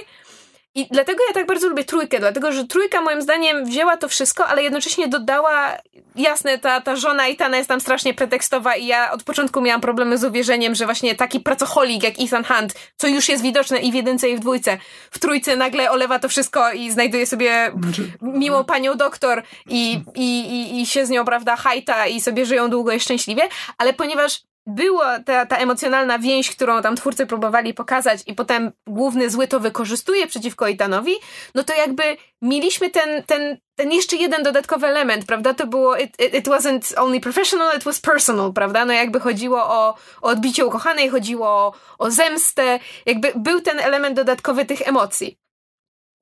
A potem w czwórce już tego nie było, bo jakby ta żona została zepchnięta na dalszy plan i w sumie słusznie, tylko że przez to mam wrażenie, że twórcy jeszcze bardziej poszli w stronę tego właśnie Ethan Hunt to jest pracocholik i on kiedy nie ratuje świata, to on nie robi nic i moim zdaniem to znaczy, jest fajnie w szóstce Ja teraz pokazane. zaczynam sobie wyobrażać, że on jest jak Sherlock Holmes, on po prostu wali opium gdzieś w ciemnej znaczy, dziurze, kiedy co, nie ma ty się świata śmiejesz, do Ale przecież szóstka, Fallout, że tak trochę przeskoczę, Fallout się zaczyna od tego, że on, on siedzi sam w jakimś pustym pomieszczeniu gdzieś, przychodzi kurier, przynosi mu paczkę, w której przychodzi do niego kolejne zadanie i Ethan Hunt ogląda tam, prawda, prezentację w PowerPoincie pod tytułem to jest twój następny cel, ale jak się rozejrzysz po tym miejscu, gdzie on jest, It's fucking empty, man. Jakby ten człowiek, kiedy nie pracuje, on nie ma życia, on nie znaczy, robi nic innego i, i potem w Falloutie jest to wspomniane Słuchaj, przez Lutera. I, może, może to jest robot, może go po prostu pakują wiesz, I ten, gdzieś I ten Hunt magazynu. to jest po prostu Batman bez Bruce'a Wayne'a. To jest po prostu jakby czysty I Batman, bez, to jest jakby Alfreda. wydestylowany Batman na zasadzie nie, nie mogę zrobić sobie przerwy, bo zginą ludzie, bo, e, bo wszystko pójdzie w diabły, ale przy tym też nie ma tego Bruce'a Wayne'a, przy, w którym on przynajmniej tylko po to, żeby podtrzymać pozory. Czasami musi się pokazać na jakimś przyjęciu, choć tego nie lubi i nie chce tam być. E... Mam problem z tą charakteryzacją Batmana, ale nie, nie wnikajmy w to teraz, bo to wykolei podcast. Znaczy, ja, się, ja się z tobą zgadzam co do jakby oglądu na, na, na piątkę na Rogue Nation, a z drugiej strony ja pamiętam, że ja szłam na, na Rogue Nation z takim o mój Boże, kolejne Mission Impossible, ciekawe jakie kaskaderskie popisy wymyślą tym razem, bo po Burj Khalifie miałam już trochę dosyć. Znaczy, to była fajna scena, ale już miałam takie, Jezus Maria, czy jest jeszcze wyższy budynek, na który mogą wsadzić mm. Toma Cruza. Po czym obejrzeliśmy to Rogue Nation i miałam takie, kurde, to jest fajne, to znaczy nic się nie dzieje, ale cały czas coś się dzieje. To znaczy jest właśnie ta finta w fincie, a jak nie, to są jakieś popisy znaczy, kaskaderskie. Ja bym powiedział, że tam cały czas coś się dzieje, tylko nic nie ma znaczenia. Tak, właśnie o to mi chodzi. Ale też były na przykład zgadzam, elementy komediowe, które wbrew pozorom w poprzednich filmach raczej bywały rzadko. Znaczy, owszem, seria Mission Impossible zawsze polegała trochę na tym, owszem, Tom Cruise ratuje świat, ale po drodze parę, na, parę razy musi mu się powinąć noga i wszyscy wiemy, że i tak mu się uda, ale ta noga musi, musi powinąć. E, więc jakby bardzo mi się podobało, że, że to, co było właśnie w piątce, jakby wy, mam wrażenie wyraźnie zaznaczone i teraz w szóstce też, to były takie elementy komediowe. Znaczy, jeśli chodzi o komizm, to w Piołce doceniam absurdalny finał, w którym łapią głównego złego do słoika. To jakby, okej, okay, tu, tu wchodzimy na wyższy poziom absurdu, coś, coś ciekawego zaczyna się dziać. Megu, co, co ty pamiętasz z tego filmu? Tego, No, na którym zasnęłaś? No, no, no właśnie zasnęłam na nim, więc niewiele z niego pamiętam. Ale czemu na nim zasnęłaś? Ja jestem skłonna stwierdzić, że Megu trzeba Trudno pokazać mi dwójkę. powiedzieć. Trudno mi po... ja, ja, ja prawdopodobnie widziałam te wszystkie filmy, bo to jest tak, że Mission Impossible, przynajmniej jedynkę, wchłania się jakoś przez osmozę, bo kiedyś się tam widziało na TVN-ie czy coś. Ja na pewno, że ten film widziałam. Absolutnie żadnego nie pamiętam. Piątki również praktycznie już w tym momencie nie pamiętam, bo zasnęłam i nie potrafię tego wytłumaczyć. Nie wiem, nie sądzę, żeby ten film był aż taki zły, że musiałam na nim zasnąć i musiałam mieć jakiś zły dzień. Ale za to szóstka mi się bardzo podobała. Znaczy, ja tylko chciałem powiedzieć, że jakby, nie wiem, ja, y, ja wcale nie uważam, że to jest zupełnie jakby pozbawiony znaczenia film, znaczy wcale nie, znaczy to jest tak, to nie jest, to nie jest film szpiegowski, piątka. E, to nie jest film szpiegowski, to jest film akcji z elementami filmu szpiegowskiego. Znaczy, tak, tak jak mysz streściła jakby- ten cykl, to mam wrażenie, że co najwyżej jedynkę można nazwać filmem szpiegowskim, bo No już tak, od tak, tak. Tak, stricte, tak. urwała im się taśma. Co? Nie wiem, co chcę powiedzieć. Nie, no tak, Znaczy, ja, ale ja powiedziałam na samym początku, że Mission Impo- Impossible to jest seria filmów akcji z elementami szpiegowskimi, bo jakby te elementy No szpiegowskie najsilniejsze były w jedynce i potem to już jakby zależy od reżysera. No to, ale to, czy, czy dalej elementem szpiegowskim jest po prostu to, że mamy powiedziane, że bohater jest szpiegiem, a już palsze i że to wszystko, co robi, to jest kaskaderka i nic innego? Znaczy nie, no tam Nie, są no tam jakieś... są elementy tego, że no Wiesz, czasami musi udawać kogoś tak innego, dalej, tak, jakby musi wydostać jakieś informacje, czy ty, tego typu rzeczy. Na przykład nie, nie zgadzam się zupełnie z e, charakteryzacją Isli, że ona rzuca monetą i czasami zdradzi, czasami nie. Jakby no, dla mnie jakby jej motywacja tego, że ona z jednej strony, że ona jest podwójną agentką i musi, musi się e, musi udowodnić swoją lojalność Lane'owi, ale z drugiej strony nie może mu pozwolić na to, żeby osiągnął swoje cele. To jest dla mnie zrozumiała motywacja. I to jest Znaczy, tak, to nie jest tak, że ona jest bezbłędna, jakby rozumiem to, a jakby nie mogę powiedzieć, że, że jest idealnie napisany i, i lepiej by tego nikt nie zrobił, ale za każdym razem rozumiem e, rozumiem motywację postaci. Nie miałem takiego wrażenia, że to jest jakiś rzut monetą, że to jest, że to się Znaczy, bierze, wiesz, z Mi, tego, mi, że mi, nie chodzi, mi nie chodzi o to, że to jest scenariusza. Mi chodzi o to, jak to wypada w filmie. Że działania postaci, tak, one są wiarygodne, tylko jakby jej wpływ na fabułę równie dobrze można by. W najprostszym możliwym ujęciu wszystko sprowadza się do tego, że mnie po prostu to kompletnie nie obeszło. Znaczy, okej, no jakby z tym się nie potrafię kłócić, tylko że na przykład stwierdzenie, że tam jest, że ta fabuła jest zupełnie szczątkowa, Bo jest! Naprawdę! No tak, jest, jest Isla, która ma podwójną lojalność albo potrójną, nie mogłem się doliczyć. I ona jako jedyna ma osobistą motywację w tym filmie. Albo jakąkolwiek motywację, bo dla wszystkich innych to jest po prostu praca. Ratujemy świat, to nasza praca. Chcę, chciałem powiedzieć, chcę zniszczyć świat, ale w sumie nie wiem, czego chce Solomon Lane, bo... Anarchii. Ja bym się. Ja bym powiedział, że on został przepisany do szóstki i mu dopisano tę anarchię, bo w piątce tego nie ma. Nie, jest. Nie no, w piątce jakby ewidentnie z tego, znaczy nie wiemy jaki on ma plan dokładnie, ale ewidentnie jakby mówi wielokrotnie o tym, że, e, że chce zniszczyć system, że po prostu, że, że jakby on jest agentem e, jakby przeciwko status quo. Tam nie ma rzeczywiście nigdzie, nigdy powiedziane w jaki sposób to ma się objawiać, tylko to jest tylko takie na ale no to jest ewidentnie jakby taki, znaczy anarchizm, anarchizm w rozumieniu filmów akcji, no w sensie e, w, Rządy złe. E, tak, no, tak, dokładnie. E, nie, po prostu przypomniałem sobie, jest taki e, komiks, e, jest, taki, jest taka seria komiksów ex- Existential Comics, czy coś takiego, to się nazywa. I właśnie jest o tym, że, że anarchiści, anarchiści przejęli państwo i teraz utworzyli komunę, w której wszyscy sobie pomagają. I, e, Na razie tak, jakby anarchizm, anarchizm w rozumieniu filmów akcji jest czymś trochę innym, ale tak, to jest jakby, że przeciwko status quo. Po prostu jakby w piątce to jest tylko powiedziane, że, e, że jakby, że świat jest zły, system jest zły, on chce go, on chce go zniszczyć. Nie ma tam rzeczy, nie ma tam dopisanej e, do e, konkretnej motywacji, tam jest tylko to, że on chce, bo on chce zdobyć jak na razie tylko sposób na to, żeby żeby móc coś zrobić. Czyli Znaczy, on jakby... Pieniądze On, on, tak, on teraz podąża za tymi pieniędzmi za e, e, za tym właśnie Rogue Nation, żeby, stwor- żeby móc stworzyć swoją organizację. E, żeby przejąć, przejąć kontrolę nad tym programem e, brytyjskiego wywiadu. Przepraszam, bo, bo właśnie mysz powiedziała, że on chce zdobyć pieniądze, a ja, ja już chciałem ją poprawić. Nie, jakie pieniądze? No Pluton, przecież on chce zrobić, zdobyć bombę Nie. atomową. I potem sobie przypomniałem, nie, to była szóstka. To jest niesamowite, jak te filmy mi się zlewają. Ja dlatego zaczęłam je identyfikować potem jakby po głównej, głównej sekwencji akcji. Dlatego na przykład potem pamiętam, co się dzieje w czwórce, bo pamiętam, że czwórka to jest Burj Khalifa i cała reszta wtedy mi się układa.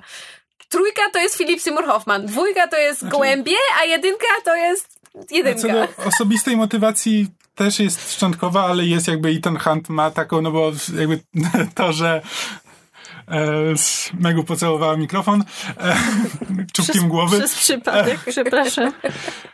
Um, jakby no to jest, to jest tylko to, że w, y, Solomon Lane jakby wziął się znikąd i go przechytrzył. No, w dosyć, y, w dosyć kreskówkowy sposób, ale, ale też całkiem fajny. Jakby mi się, mi się na przykład...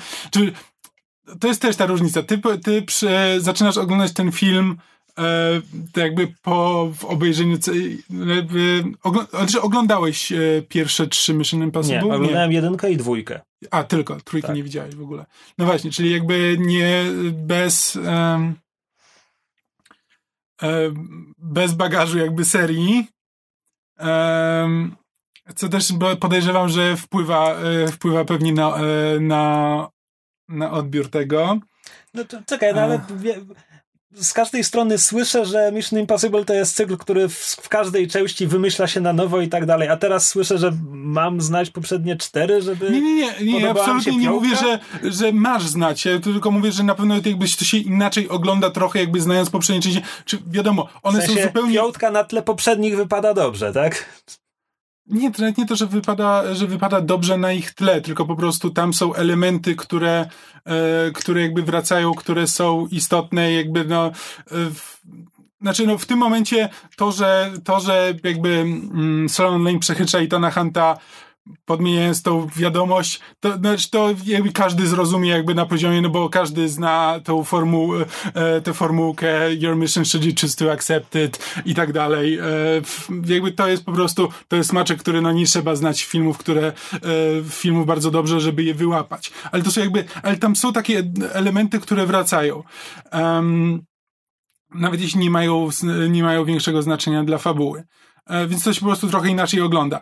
Em, Poza tym wątek osobisty jest taki, że przez machlojki Lane'a Ethan Hunt jest teraz brany przez e, sw- swoich własnych zwierzchników za, e, za właśnie za, za ro- rogue agenta, bo wszyscy, znaczy fascynuje mnie tendencja Macquariego do tego, żeby nikt Ethanowi nie ufał, bo jakby owszem to jest motyw poprzednich części, to znaczy jakby Ethan bardzo często to był sam przeciwko systemowi, włącznie ze swoimi zwierzchnikami, No, fa- bo nikt mu fabuła- nie fabuła wierzył. pierwszej części to jest zwierzchnik Itana Hunta, wrabia go w to, że wszyscy myślą, że Itan Hunt zabił cały swój zespół. Tak, ale jakby tu e, w jedynce zwierzchnik był zły, a w kolejnych częściach jakby ci, ci zwierzchnicy zazwyczaj byli po prostu albo głupi, albo niedoinformowani, albo też byli zmanipulowani. Jakby już potem raczej nie powtarzano tego. Znaczy, i to, te, E, to też jest jakby, to też jest w sumie nawiązanie jakby do, do tego, co mówiliśmy, e, że Ethan Hunt w każdym filmie jest trochę inną postacią. Więc jakby ma to sens, że nikt nie do końca mu ufa, że jest w pewnym stopniu nie chcę powiedzieć psychopatą, ale, Ale jest zbyt nie, dobry w tym, zdecydowanie, zdecydowanie jest niestabilny.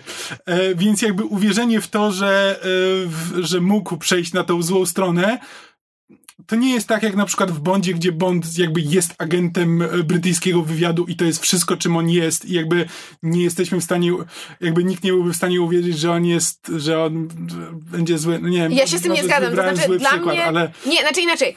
E, w in world, Albo Kapitan Ameryka. znaczy inaczej, w świecie, w sensie jakby w realiach świata, jestem w stanie zrozumieć, że Ethan Hunt jest na tyle niestabilną e, postacią, a z drugiej strony na tyle dobrym agentem, który jest w stanie się, prawda, wcielić w każdego, zrobić wszystko, e, prawda, covert operations, ileś tam tożsamości i tak dalej.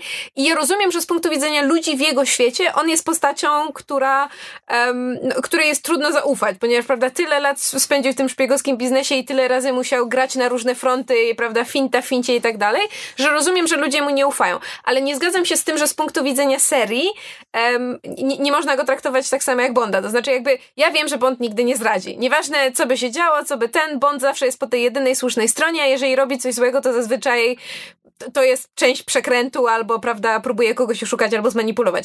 I Ethan Hunt, moim zdaniem, jest dokładnie taką samą postacią.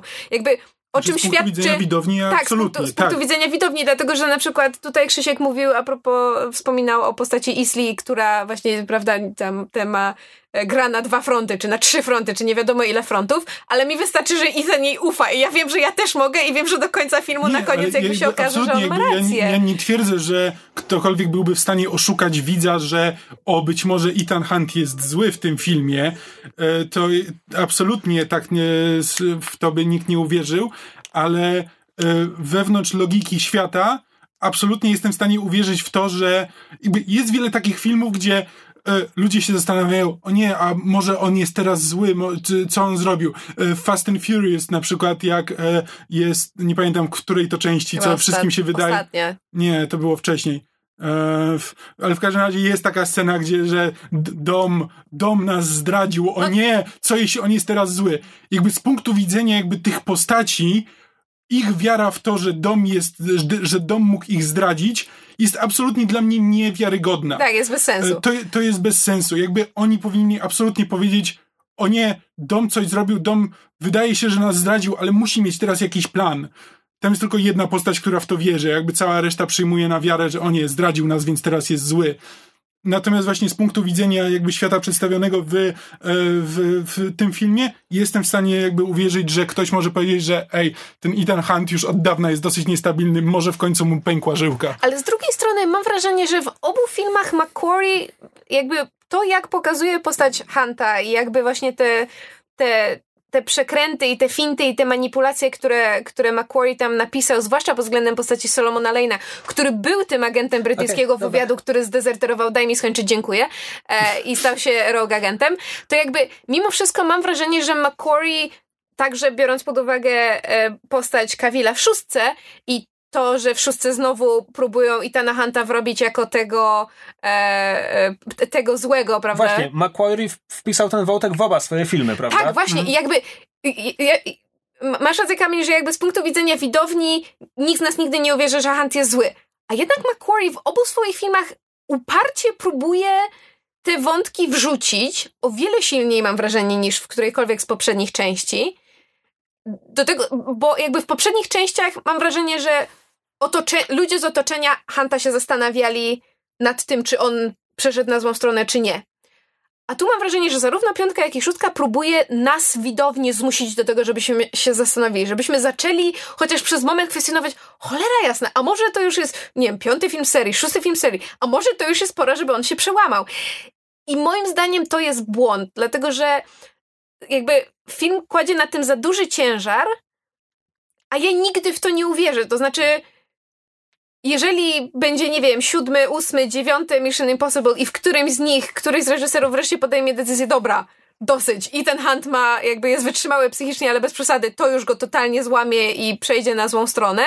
Albo po prostu zacznie popełniać błędy w dobrej wierze i, i niechcący stanie się tym, czego zawsze, z czym zawsze walczył. To ja mimo to, to nie, nie będę w stanie w to uwierzyć. Jakby moje zawieszenie niewiary nie sięga tak wysoko, bo Ethan Hunt zawsze będzie nominalnie tą postacią, która e, róż, mniej lub bardziej zasadnymi środkami, ale właśnie tak jak Kapitan Ameryka. To znaczy, nawet jeżeli Kapitan Ameryka walczy z amerykańskim rządem, to dlatego, że moim zdaniem jakby moralnie ma rację i jakby Ethan Hunt jest dla mnie taką samą postacią. Dla mnie Ethan Hunt moralnie ma rację, nawet jeżeli czasem robi złe rzeczy. I właśnie to, że McQuarrie w piątej i szóstce próbuje te, te, te, jakby zakwestionować tę jego moralność, jest bez sensu. Bo jakby Znaczy, to, to, to jest właśnie to takie to wypychanie. jest jakby różnica między tym, co my wiemy jako widownia, a tym, co wiedzą e, postaci. Jakby Ale właśnie o to mi chodzi. jakby- w filmach Macquarie'ego mam wrażenie, że to nie jest tak, że w świecie tylko ludzie mają wątpliwości co do Ethana. Mam wrażenie, że Macquarie nam widowni próbuje zaszczepić wątpliwości. Niepotrzebnie, jakby bez... Znaczy, ja tego tak nie odebrałem, ale... No, te, też nie miałem wrażenia, żeby film próbował mnie przekonać, że, że Tom Cruise może być zły. Jakoś nie wiem, może ze względu na, na Nie, moim porównania z postacią film- i mo- znaczy, moim Blaina. zdaniem to jest właśnie kwestia tego, że film nam po prostu próbuje pokazać, że to, że inni y, wierzą, że Tom Cruise jest zły, nie jest bez sensu. Ale to nie jest to samo, co przekonywanie nas do tego, że, e, że my mamy w to uwierzyć. Dobra, ostatnie pytanie odnośnie piątki. Ale czy co do tego, że Solomon Lane jest kompletnie nijaki, się ze mną zgadzacie? Absolutnie. Absolutnie tak. Czy w piątce, w piątce, bo on jest napisany Mhm. inaczej w szóstce. Tak, w piątce jest takim nijakim, że po prostu się pojawia i ma być wielką tajemnicą, co sprowadza się do tego, że po prostu nic o nim nie wiemy i na nim nam, zupełnie nam na nim nie zależy. E, więc tak, no spoko. Okej, dziękuję. Czy ja lubię tego aktora, więc jakby tak. mm, On ma pewien taki swój niepokojący, niepokojący sposób bycia. Ale, ale ten film zupełnie to marnuje, jakby zupełnie z tego nie wykorzystuje. Dobra, słuchajcie, bo Megu zasnęła na piątce i teraz zasnęła na omawianiu piątki, więc przejdźmy do szóstki. Dobra. Megu, nie śpimy, zwiedzamy, biegniemy jak Tom Cruise.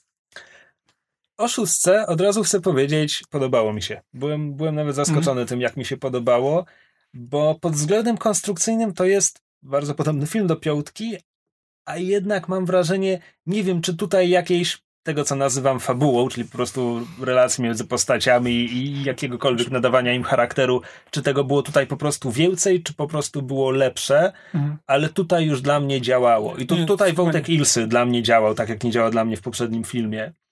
E, I Hmm. byłem jakby wciągnąłem się, czego Mhm. absolutnie nie mogę powiedzieć o piątce. To jest, to jest moja mowa otwierająca. Megu, udziel się w dyskusji. No więc podobało mi się.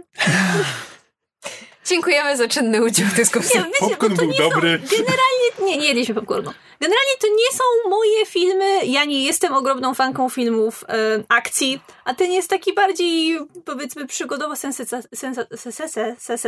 Secesyjny. sensacyjny, więc y, jeszcze ujdzie.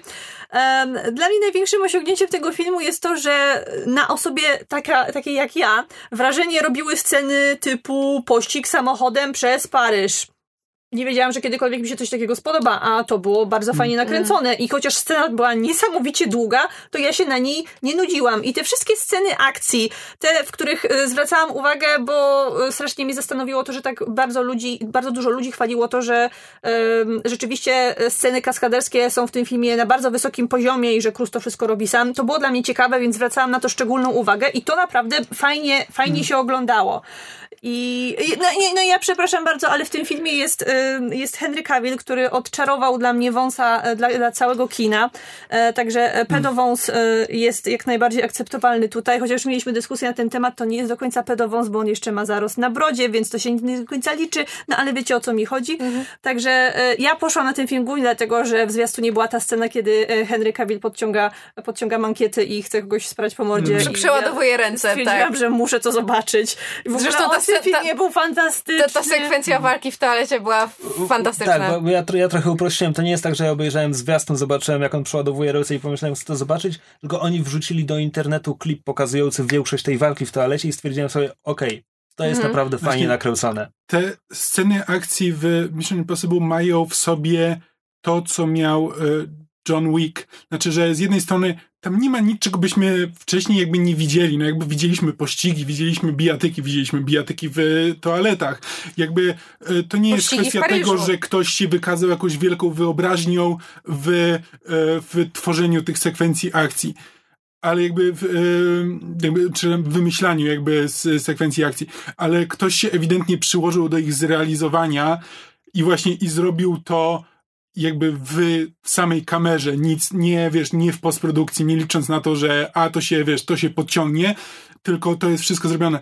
I na przykład duże wrażenie, jakby oboje z myszą to zauważyliśmy, tam jest sporo scen akcji, na przykład ten pościg e, po ulicach Paryża, gdzie praktycznie nie ma w ogóle muzyki. Całym, Tak. Całą ścieżką dźwiękową tego pościgu jest dźwięk e, silników, e, po, wsi, poślizgów i po prostu samego, samego pościgu. nie ma Pierwszy tego moment- dodatkowego elementu podkręcania atmosfery muzyką. To jest niesamowite i to, i to ma w sobie rytm. To nie jest tylko to, że to są przypadkowe dźwięki. To są dźwięki, które mają w sobie rytm i to jest autentycznie po prostu ścieżka dźwiękowa do, e, do pościgu, tylko że e, jest e, z, e, nie jest ekstra digetyczna, jest w, jest w, t, t, mamy tylko, Ek, ekstra diegetyczna. e, Extra Nie będąca częścią świata przedstawionego. tak, jest w, w, słyszymy to, co słyszą jakby postaci, a nie to, co, nie to, co dograł później kompozytor i to się składa na ścieżkę dźwiękową i to jest niesamowite dla mnie. Jak to się pisze? Przeliteruj mi to słowo. Ekstra diegetyczne. Diegetyczne. Tak. Okej. Znaczy na przykład właśnie w tej scenie em, walki w toalecie w, w szóstce, no bo jakby to jest toaleta w klubie, w związku z tym mamy najpierw scenę, kiedy e, panowie, prawda, szukają kogoś w klubie i mamy głośne umcy, umcy, cała Francja bawi się z nami.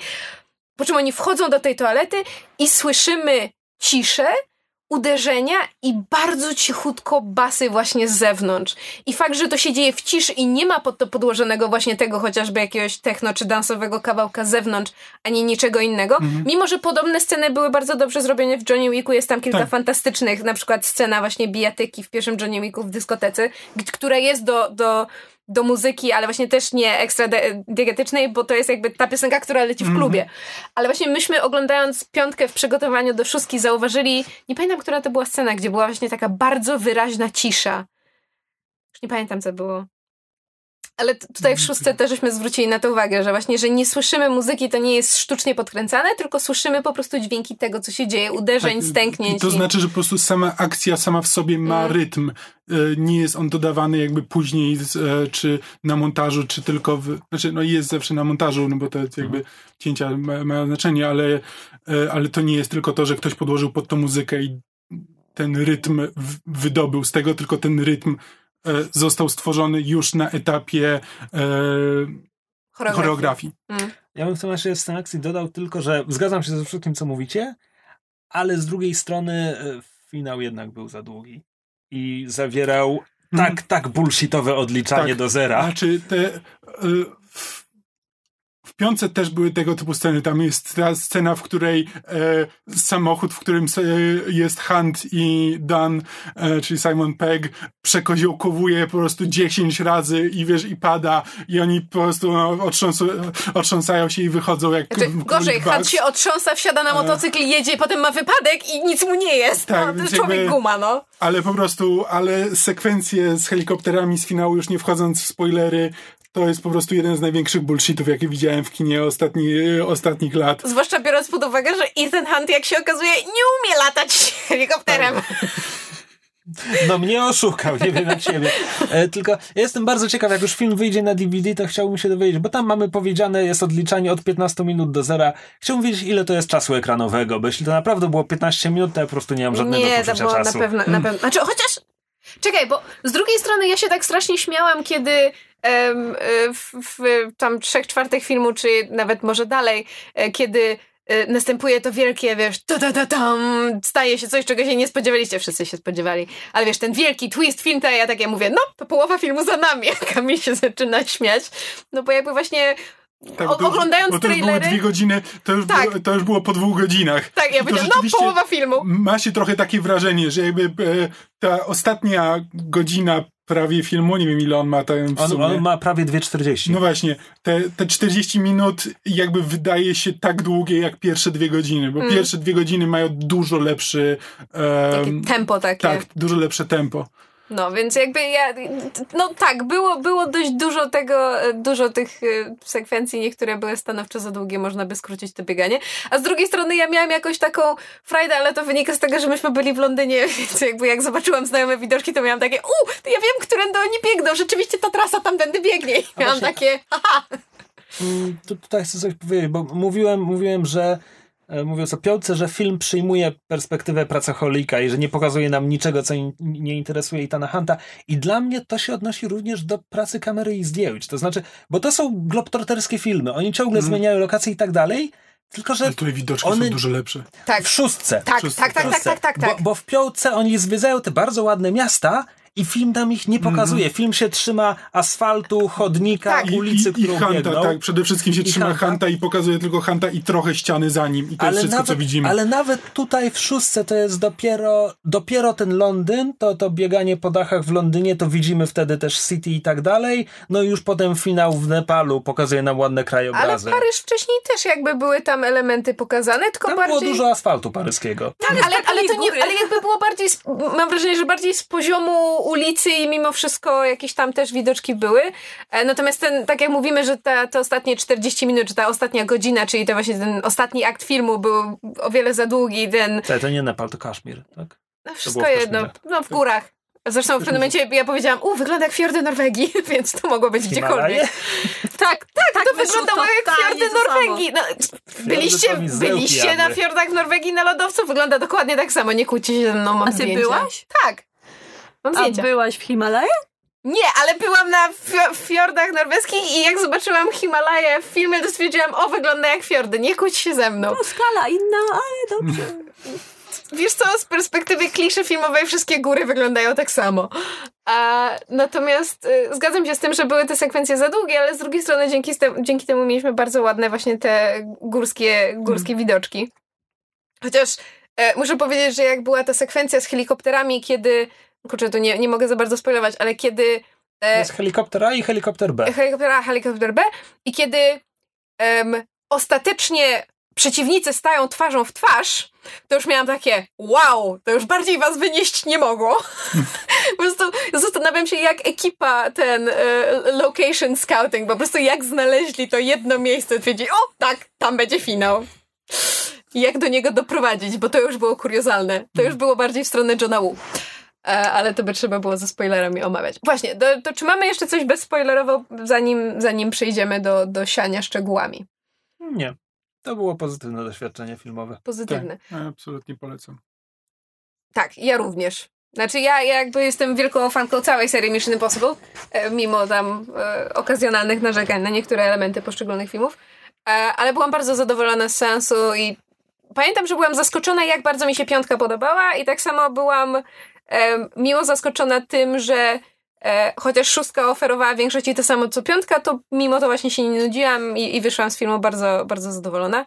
Fakt, że napisy były porządne, pomógł, tylko nie zostaliśmy do końca, żeby zobaczyć, kto je robił. Ale były bardzo porządnie zrobione napisy, co Hmm. lubię podkreślać, bo tak często krytykujemy różne dokonania, że myślę, że warto wspomnieć, jak coś jest zrobione dobrze.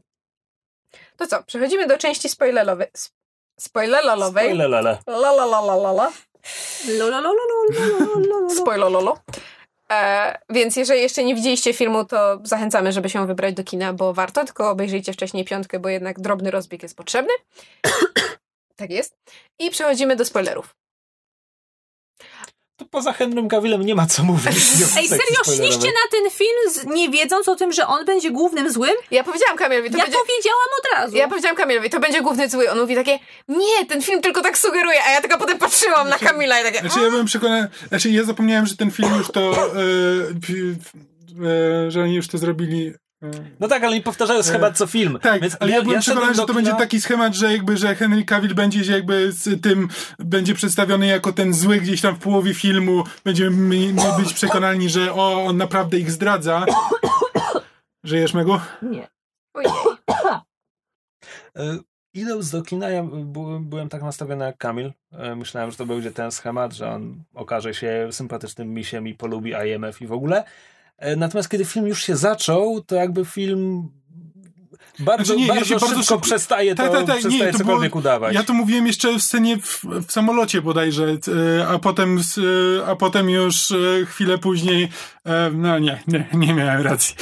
E, Znaczy to jest dość niesamowite, bo film masz wrażenie oglądając film, że kiedy Henry Cavill przekazuje ten telefon e, Angeli Bassett. Angeli Bassett właśnie, e, myślisz sobie, no dobra, on jest zły, a potem pół filmu później okazuje się, a nie, to oni to ja tutaj miałem się zorientować, że on jest zły. Znaczy, to jest- Co tam zaszło? To jest coś takiego, że ja mam wrażenie, że ta scena, kiedy on przekazuje ten telefon, jakby twórcom się wydaje, że- ona jest bardziej subtelna niż jest. Być może, być może wiesz, nie, bo podejrzewam, że być może przeciętny, czy wiesz, nie chcę powiedzieć przeciętny widz, ale jakby być może sporo, sporo widzów może nie załapać, że ej, tam ten telefon był zniszczony. Jakby tam film ewidentnie pokazuje, Tom Cruise go bierze, patrzy, o, jest, y, jest łamany, teraz Kawil przekazuje ten telefon i on już jest naprawiony. Jakby wiesz, jestem w stanie sobie wyobrazić, że ktoś przegapia to y, po prostu, że, że przecież tam ten telefon był zniszczony i po prostu no, traktuje to jako, o, tu jest, tu jest coś, co przejęliśmy od tamtego kolesia. Jestem gotów w to, w to uwierzyć, że po prostu tamta scena już dawno poszła w zapomnienie. No może. E. W każdym razie, ponieważ ja liczyłem na to, że on okaże się sympatycznym misiem, więc przez jakieś takiej ćwierć filmu byłem niepocieszony, bo myślałem sobie, że zmarnowali Kawila na, na rolę Zwola. E, ale potem on w ostatniej jednej trzeciej filmu okazuje się takim sympatycznym, charyzmatycznym złolem. Ja bym absolutnie zobaczył go jako złego p- przeciwko jakiemuś Bondowi. Zwłaszcza jak w finale już z karabinem maszynowym strzela z helikoptera po prostu. I jest bardzo To, sfrustrowany. to, to, już, to już nawet nie jest Bond, to jest jakaś platformówka i on jest w niej bossem. E, to, a, po, a Tak, szczególnie, potem, że jest zbudowany jak boss z platformówki. Tak, tak, Wierzę, tak. że przyjąłby na klatę 20, p- 20 nabojów, zanim by padł. tak, Tak. A, a potem jeszcze na ostatnie 15 f- minut filmu ma jeszcze na twarzy, więc już teraz sobie myślałem, o kurczę, to już w ogóle jest Blofeld z Wąsem. E, I z kolei byłem bardzo niepocieszony, kiedy oberwał hakiem w łeb, bo pomyślałem sobie, że mógłby wrócić w następnym filmie. A potem sobie pomyślałem, zaraz to jest Mission Impossible, on wciąż może wrócić w następnym filmie. Tak, znaczy Kawil rzeczywiście jest zbudowany jak, nie wiem, ruski czołg. E, I ja Pamiętam, pamiętam... on rozsadza ten garnitur od środka. No bo to, to było te bardzo płynne przejście ze, z Supermana Tak. do Mission Impossible. To jest ten film, przez który on w Spider-Manie wygląda jakby mu się Supermanie? coś... Supermanie. W Supermanie wygląda jakby mu się W sensie coś... E, Jakby mu się coś w twarz stało przez te CGI. CGI wąsy, tak. Zamiast wąsów. E, znaczy, ja pamiętam, że jak, jak żeśmy właśnie oglądali szóstkę i była ta scena w tej, w tej toalecie i jakby to, co mi się bardzo podobało w scenie walki, to było to, że każdy z nich miał inny styl walki, no bo to, tam był ten, ten niby Lark, ten, ten e, to, to jest jakiś chyba chiński em, aktor, kaskader sztuk, mistrz sztuk walki. W każdym razie ktoś bardzo e, na tamtejszym rynku, z tego co słyszałam, jakby znany, w sensie jakby zatrudnili go po to, żeby tam też e, w, w Azji mieć jakieś chody. Natomiast to, że jakby każdy z nich ma inny styl walki i ten hand łapie się wszystkiego, co, co tylko może i, i a z kolei Kawil to po prostu, on autentycznie był jak, Jak młot. Tak, Tak. po prostu ten styl jego walki, gdzie on po prostu bierze kolesia i nim rzuca o glebę, no miałam takie "Oh, yes. Bardzo byłam zadowolona z tego, jak to, jak to było pokazane i rzeczywiście te, też miałam wrażenie, znaczy te, te walki były tak zrobione, że ja czułam te uderzenia, to nie było, to się nie wydawało sztuczne właśnie hollywoodzkie, tylko jakby miałam wrażenie, że oni rzeczywiście walą sobą o glebę, ale to, co mnie w tym filmie najbardziej bawi, to jest to, że jakby Tom Cruise, nie wiem czy wiecie, jest bardzo niski. W sensie on jest niewiele wyższy ode mnie. A ja mam 1,58 m.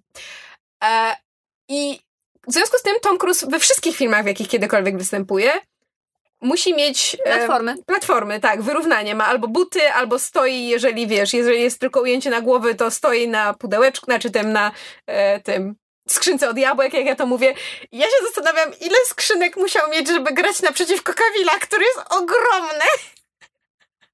I po prostu za każdym razem, jak widziałam ich dwójkę w kadrze i wiesz, film mi pró- próbował zasugerować, że oni są podobnego wzrostu, miałam takie o, honey, no. tak.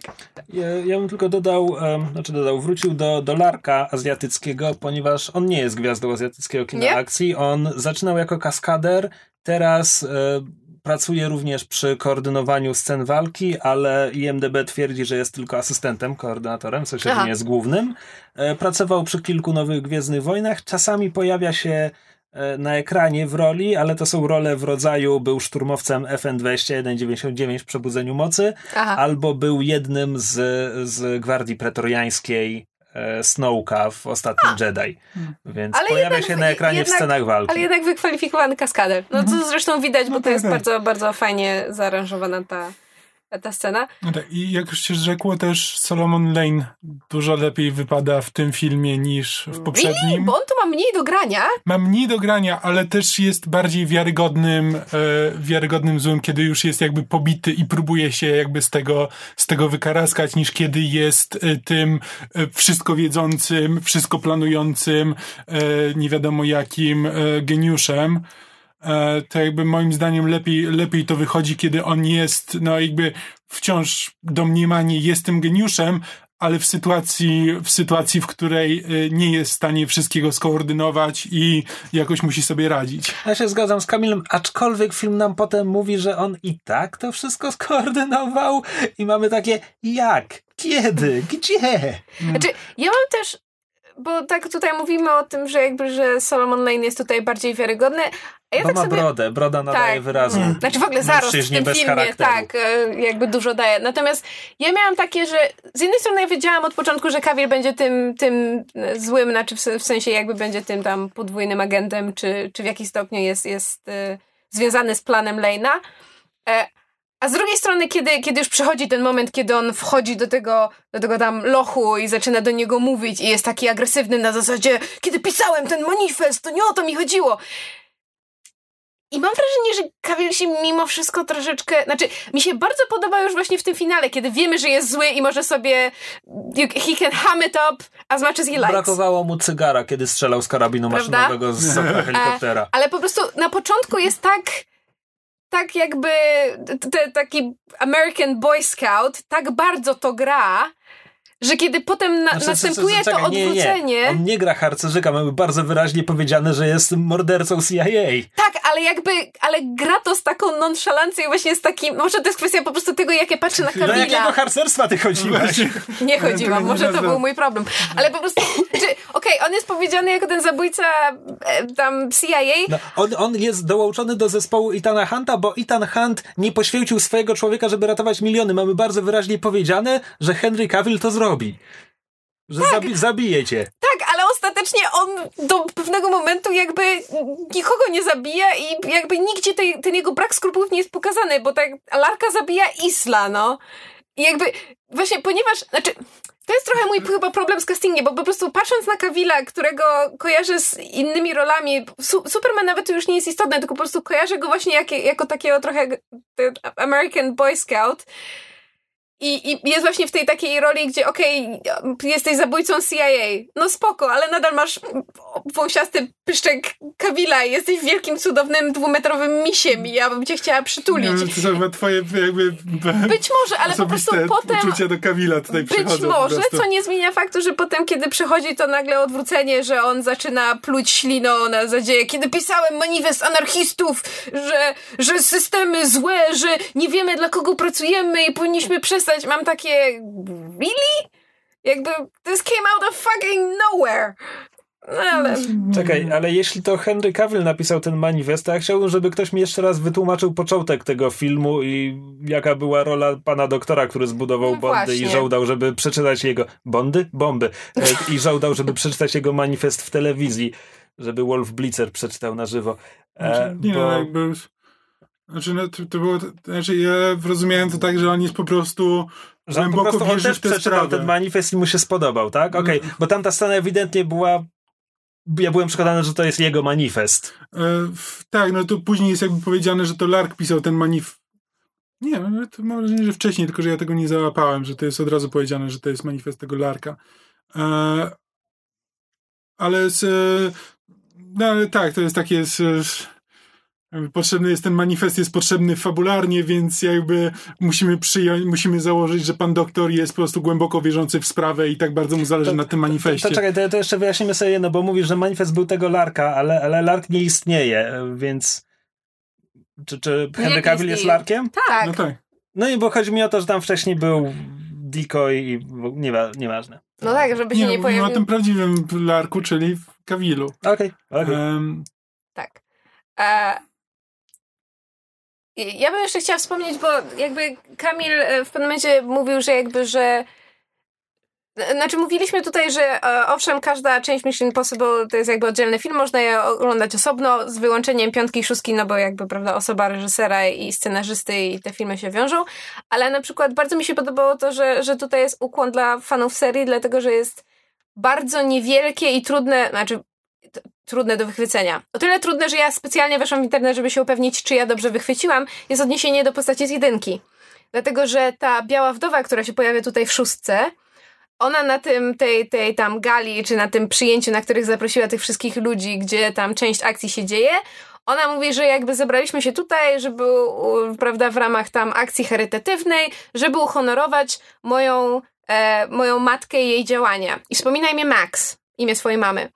Max to jest ta postać tej, e, tej właśnie też kobiety z, z półświadka, która grała na nie wiadomo ile frontów, która w pierwszej części pomaga Tomowi Cruzowi. I jakby mi się strasznie podoba, że to widać w tej scenie. To znaczy, kiedy, kiedy, kiedy Ethan Hunt, udając Larka, wchodzi na, te, na, ten, na ten bal, czy tam na ten bankiet, whatever, i ona właśnie zaczyna mówić o, o, o Max, o, o jej działaniach i tak dalej, to widać, że Ethan na nią patrzy i jakby coś w niej rozpoznaje. Jest strasznie fajne, bo dobrali aktorkę, która wyglądem też przypomina właśnie aktorkę, która w, w pierwszym filmie grała właśnie Max. I to jest malutka rzecz, zupełnie jakby wydaje się zupełnie nieznacząca, a z drugiej strony dla mnie było o tyle istotna, że ja natychmiast wiedziałam, że postać tej białej wdowy nie jest tak jednoznaczna, jak film by sugerował. To znaczy domyśliłam się, że ona jakby rzeczywiście skutecznie działa na dwa fronty i prawdopodobnie prędzej pomoże Ethanowi niż mu zaszkodzi. Więc jakby pomogło mi to na przykład y, tam przewidzieć niektóre z tych, tych fint, które film nam próbował zaserwować. No więc, więc to jest bardzo subtelne, a z rzeczy kompletnie niesubtelnych to jest duża rola żony Itana w trzecim akcie, więc to w ogóle jest ta część Mission Impossible, która nagle udaje, że to jest jednak spójny cykl. Tak. E, co, ale, znaczy właśnie, bo Znaczy, bo teraz mam wrażenie, że to jest taki retroaktywna próba zrobienia z Mission Impossible prawdziwej serii. Jakby w, w zrobienia uniwersum, e, jak to teraz jest popularne, znaczy przynajmniej zrobienia z tego franczyzy może nie na miarę Fast and Furious, ale mniej więcej w tym e, myślicie, że em, w w siódemce modelu. myślicie, że w siódemce wrócą Jeremy'ego Renera, żeby zastąpił Baldwina, który zmarł? To jest to niewykluczone. e, To, to, to, to, to nie jest, to nie jest e, mój wniosek, tylko pożyczam od pa Patricka Willemsa, który mówił, że najlepiej by było, gdyby było jeszcze jedno Mission Impossible, gdzie Tom Cruise będzie miał swoje ostatnie zadanie, a potem zostanie sekretarzem i pozwolą mu przestać biegać i ktoś młodszy będzie biegał w następnych częściach. Co- się co- wydaje, Pytanie, czy Tom Cruise się na Tom to nie Cruise się zgodzi na to raczej, zgodzi, no. bo Tom Cruise będzie uważał, że do 70 będzie biegał tak samo. No skoro pewnie Liam tak. Nissan może, to czemu on Nissan? nie? Neeson, przepraszam.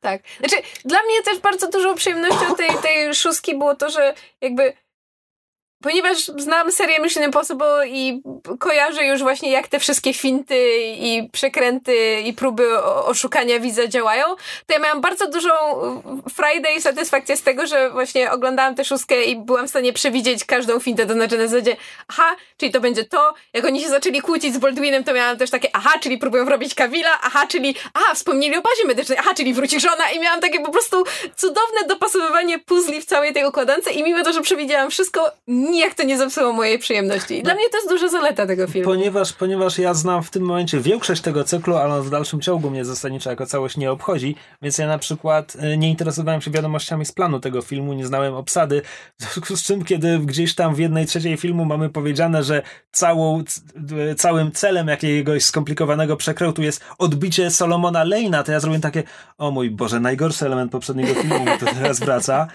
A potem byłem w miarę pozytywnie zaskoczony, bo był lepszy w tym filmie niż w poprzednim.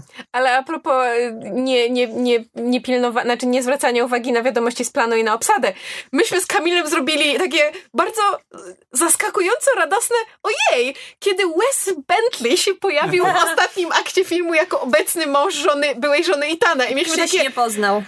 You doing here? Ja, ja nie mam prawa go po, poznać, bo ty mi musiałeś tłumaczyć, kim on jest. Nie oglądałeś American Beauty? Oglądałem American Beauty, no ale skąd mam wiedzieć, jak się nazywa aktor ileś lat temu. plastikowej torebki? Ja go z kolei kole- kojarzę z, z Hunger- American Horror Hunger Story. Gamesów nie widziałeś. Nie widziałem Nie. Hunger Gamesów, natomiast zrobiłem potem research, bo, bo on już palszej, że obejrzałem Mission Impossible. Potem gdzieś jeszcze mi wyskoczyło, że on w pewnym momencie był kandydatem na Batmana Tak. przy, przy jakimś tym. E, I dopiero jak go sprawdziłem na IMDb, to odkryłem, że filmem, z którego najwyraźniej powinienem go najlepiej pamiętać, jest pamiętna rola e, Blackhearta w pierwszym Ghost Riderze z Nicolasem Cage'em. Mówię, jakby były inne Nicolasy, tfu, inne? Inne Ghost Nie ma innego. Nie jest Nicolasa tylko Cage'a. jeden. There can be only one. E, tak, A my się nadawał na wilkołaka. Ma coś takiego w twarzy. ma. Nicolas Cage? Nie, Wes Wes Bentley. Bentley. A, okej. E, tak. No ale to chyba tym sposobem wyczerpaliśmy. E, Znaczy, umówmy się, w sekcji spoilerowej jakby film potrzebuje więcej fabuły, żeby robić Tak. dużą sekcję Tak. spoilerową. Mamy jednego ukrytego złola, no i co, możemy jako spoiler potraktować to, że na koniec filmu nie wybucha bomba atomowa, ale myślę, że widzowie jednak mają takie przeczucie, że, że tak będzie. Tak, chociaż muszę powiedzieć, bo tam wspominałam e, w części niespoilerowej o, o, o, o tym ściganiu się helikopterami i to rzeczywiście trwało stanowczo za długo, zwłaszcza biorąc pod uwagę brak umiejętności Itana. On chyba musiał, nie wiem, spędzać bardzo dużo czasu na jakimś symulatorze, bo pierwszy raz wsiada do helikoptera i nagle go umie pilotować. Ale już to, jak, jak się w nich wbija i jak oni się zderzają, i jak te dwa helikoptery w tym jakimś kominie górskim zaczynają na siebie zjeżdżać, to już miałam takie wow! Znaczy, That's a lot! Mo, mo, moim ulubionym momentem, w którym, w którym fizyka przestaje działać w tym filmie, to jest to, gdzie e, Cavill skacze z samolotu, a Tom Cruise musi sobie jeszcze na, na, naprawić aparat tlenowy, zanim zanim skoczy, ale i tak go dogoni w locie, ponieważ film Powody, tak. No. I tym optymistycznym akcentem e, kończymy e, tak, omawianie Mission Impossible'ów. Dwóch, a właściwie wszystkich. E, I jeszcze raz zachęcamy gorąco, żebyście się wybrali na, na szóstkę do kina i wcześniej e, zrobili sobie seans piątki, bo, bo naszym zdaniem warto, e, można, się, można się nieźle wybawić. W razie czego nie zrażajcie się piątką. Tak, g- tutaj głos Krzysztofa i Megu. A jeśli wam się piątka spodoba, to szóstka jest jeszcze lepsza. Tak. E, jeżeli e, z czymś się e, nie zgadzacie, albo chcecie z nami podyskutować na temat tego filmu, albo innych rzeczy, które żeśmy omawiali w odcinku, to zawsze możecie nam pisać komentarze pod odcinkiem na myszmasz.pl. Ró- Również możecie pisać komentarze na Facebooku, bo wszyscy się tam bardzo czynnie udzielamy na naszym fanpage'u Myszmasz Podcast Popkulturalny. Co? Cicho? Przepraszam, powiedziałeś, my się wszyscy tam bardzo udzielamy? W sensie ty Ja czytam, ja czytam wszystkie komentarze i czasem nawet daję lajki. O co ci chodzi? E, możecie również zostawiać komentarze pod odcinkiem na YouTubie podsłuchane.pl, e, gdzie głównie z Krzysiem się e, aktywnie udzielamy i odpowiadamy na komentarze. E, możecie też e, pisać do nas na Twitterze. Co prawda jest ograniczenie do pewnej liczby znaków, ale tam czynnie udziela się przede wszystkim Kamil. E, pod ad myszmasz podcast. Tak? Mysz masz podcast? Myszmasz podcast. E, możecie też zawsze nam wysłać maila, jeżeli macie ochotę na jakąś dłuższą formę epistolarną. E, możecie wysłać maila na myszmaszpodcast.gmail.com Mhm. i w ogóle możecie nas szukać w internetach. Na YouTubie? Powiedziałeś o YouTubie? Tak, powiedziałam YouTube podsłuchane.pl. dobra. I w ogóle, jak zwykle, zachęcamy do polubienia fanpage'a e, sieci podcastów Podsłuchane, w ramach której wychodzi e, nie tylko Myszmasz, ale też różne inne nasze projekty i naszych krewnych i znajomych królika, i myszy, i Myszmasza, i nas, tak? E, I w ogóle zachęcamy do kontaktu z nami. Wszyscy jesteśmy mniej lub bardziej aktywni i obecni w internecie. E, możecie nas znaleźć wyszukując różne rzeczy w internecie. Megu możecie znaleźć na blogu Katus Gigus i na kanale na YouTubie Katus Gigus, gdzie już niedługo pojawią się nowe filmy. I na Twitterze Katus Gikus. Wszystko katuzgi. Wszystko, wszystko. Wszystko, wszystko. Cokolwiek nie wymyślicie, to tam wejdźcie, wpiszcie Katus Gikus i coś znajdziecie. Tak, wpiszcie nas w Google. Na, ma- na MySpace'ie. Nasza, nasza klasa, grono Katus. Kotka. Wow. E, sympatia.pl. E, dobrze, to tyle na dzisiaj. Dzięki bardzo za uwagę i do usłyszenia w następnym odcinku. Cześć! Cześć! Na razie.